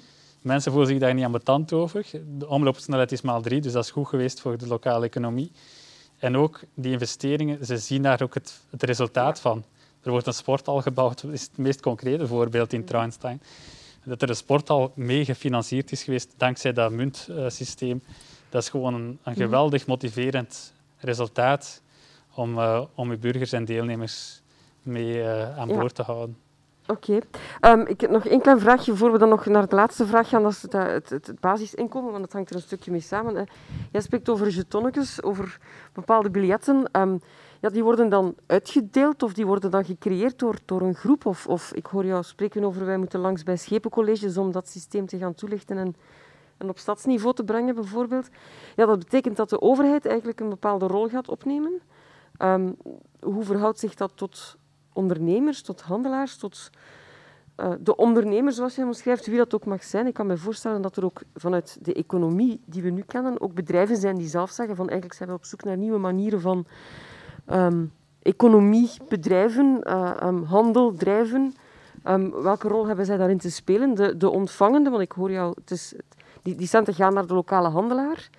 Maar hoe, hoe, hoe actief kunnen zij daarop anticiperen, als ik het zo mag zeggen? Kennen jullie systemen waar, waar de handelaars zelf of de ondernemers zelf de motor zijn en waar publiek en overheid volgen?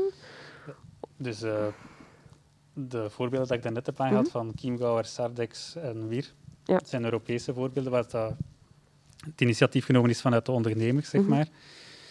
Dus Stad Sint-Niklaas zou je kunnen zeggen, daar is vandaag een succesvol loyalty systeem tussen handelaars. Mm -hmm ik ga een slokje ja, water nemen. Ja, dat is lastig met die maskers.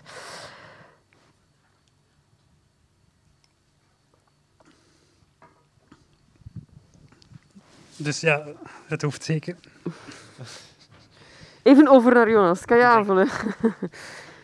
um, ik denk wat uh, Sander probeert te zeggen, is dat dat, dat, vanuit, dat kan vanuit verschillende stakeholdergroepen eigenlijk geactiveerd ja. worden. Of in ieder geval zijn oorsprong vinden. Mm -hmm. hè, maar uiteindelijk afhankelijk van de doelstelling wel, hè, heb je wel verschillende soorten actorgroepen nodig die moeten samenwerken om tot, uh, tot, tot een succesvol model of tot een succesvolle mm -hmm. munt te komen. Hè. Maar naar op zich um, de, de, het, initiatief, het, initiatief, beter komt altijd van ergens. Hè, en er zijn altijd bepaalde dragende krachten, maar zonder, zonder opnieuw dat, dat, dat ecosysteemperspectief uh, mm -hmm. raak, je, raak je vaak niet tot een sluitend en, en circulair en een, en een mooie, mooi geheel. Oké. Okay. Um, we gaan naar het laatste puntje. Als het, lukt het nog?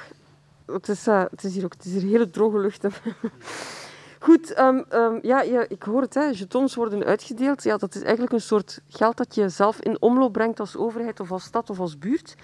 Um, ja, dan is de volgende stap op grotere schaal het, het, het, garanderen van een basisinkomen voor iedereen. Een soort budget ter beschikking stellen waar je dan ja, een stuk van je levensonderhoud en dus ook een stuk van de, de maatschappelijke economie um, uh, voorziet. Um, dat is ook een onderdeel van die nieuwe economie, denk ik dan. Een, een, een transitie-economie van een complementair systeem. Of, of uh, hoe verhoudt zich dat? Um, wel, ik, ik, ik, denk dat, zo'n, dat het een belangrijk component, dat zo'n basisinkomen of zo'n gegarandeerd inkomen, Hè, waarbij dat je inderdaad uh, er als, als, ieder, als individu zeker van bent dat je maandelijks een bepaald bedrag op je rekening krijgt, onvoorwaardelijk, hoef je helemaal niks voor te doen. Dat, dat is er gewoon elke, elke maand en je, kan, en je kan daar zeker van zijn. Dat dan een belangrijke component is om inderdaad naar die herverdeling te gaan en, en, en die ongelijkheid een stukje te gaan, te gaan wegnemen. En dat dat echt wel een interessante, um, een interessante insteek kan zijn -hmm. om, om, um, om dat te gaan bewerkstelligen. En we hebben dat ook in ons, uh, in ons, in ons, in ons muntsysteem opgenomen.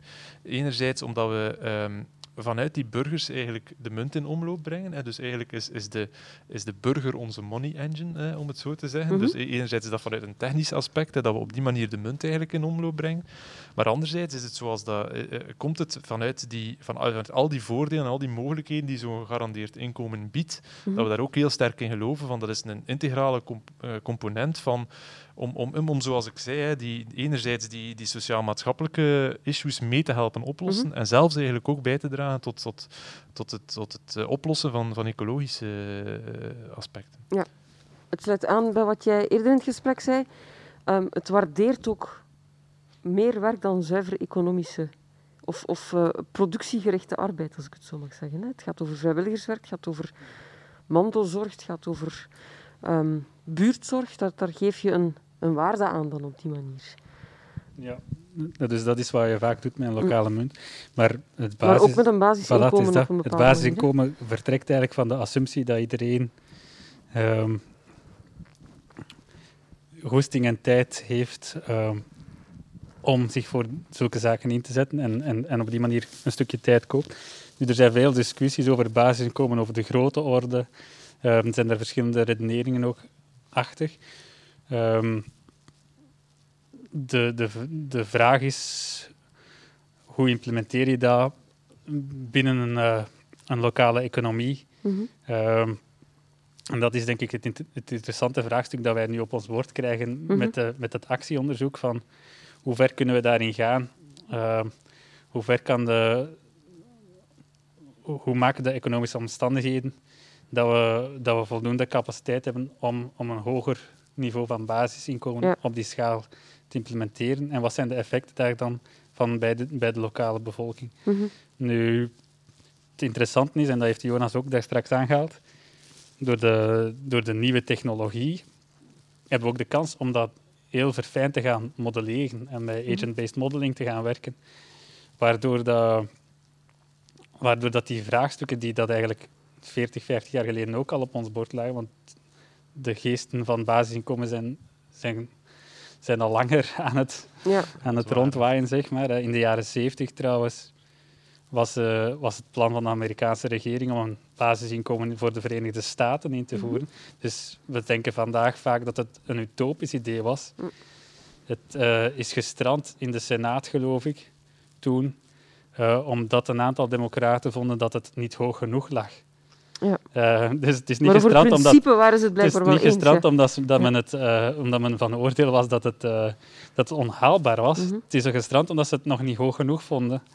Um, toen dat dan gestrand is, is dan achteraf ook gebleken uit een case van in Seattle. Um, kwam er een, resultaat uit die case study dat het aantal echtscheidingen verdubbeld was. Ja, oké. Ehm, achteraf gezien blijkt dat dat niet te kloppen, ja. dat dat niet te kloppen is. Uh, dat dat niet, dat dat niet klopt. nieuws, ook toen al, ja. Ja, wel, ja, dat was gewoon een misrekening. Ja. Maar dat heeft uh, ook een hele morele agenda mm in dat politiek debat gebracht. Uh, wat maakt dat dat dan daar gestrand is?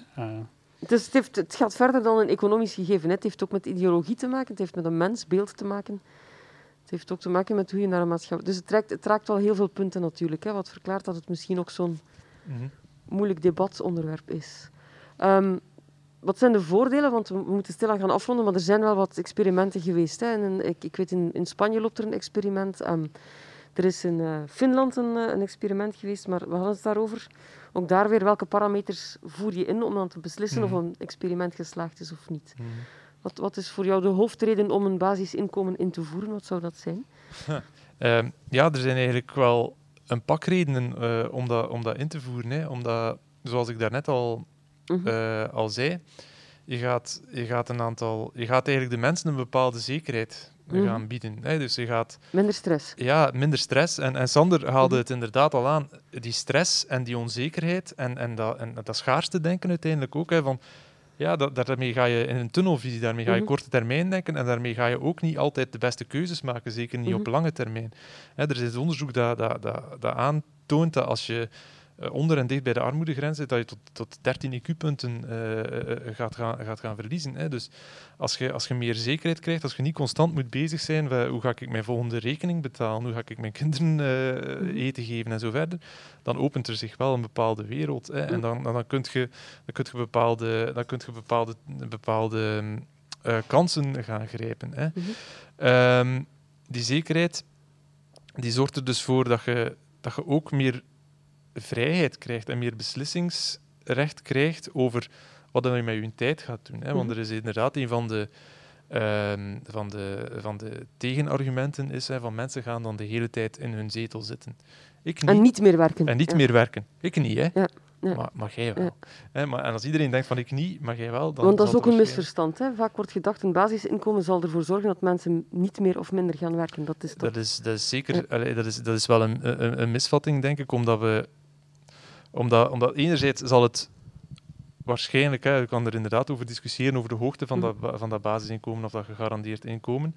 Maar op zich zal het sowieso, of zal het waarschijnlijk niet hoog genoeg zijn om, mm om, om uh, een gigantisch hoge. Uh, zal, zal, je sowieso wel nog bepaald werk moeten doen om, om, een, om een bepaalde levensstandaard te halen. Mhm. Aan de andere kant zorgt het er vooral voor dat je de optie krijgt om na te denken en keuzes te maken over waar dat je je tijd wel wilt aan spenderen. En nu zijn we eigenlijk, nu zijn we eigenlijk bijna verplicht hè, om, om, om 9 to 5 een job te gaan doen waar dat we een loon voor krijgen. En ik denk dat wij alle drie in de mhm. categorie vallen dat wij dat niet erg vinden en dat we dat mhm. zelfs met veel plezier doen. We zitten hier vandaag ook mm buiten de 9 to 5 uren dit te doen. Maar er zijn heel veel mensen die dat, voor wie dat, dat wel meer als een verplichting aanvoelt.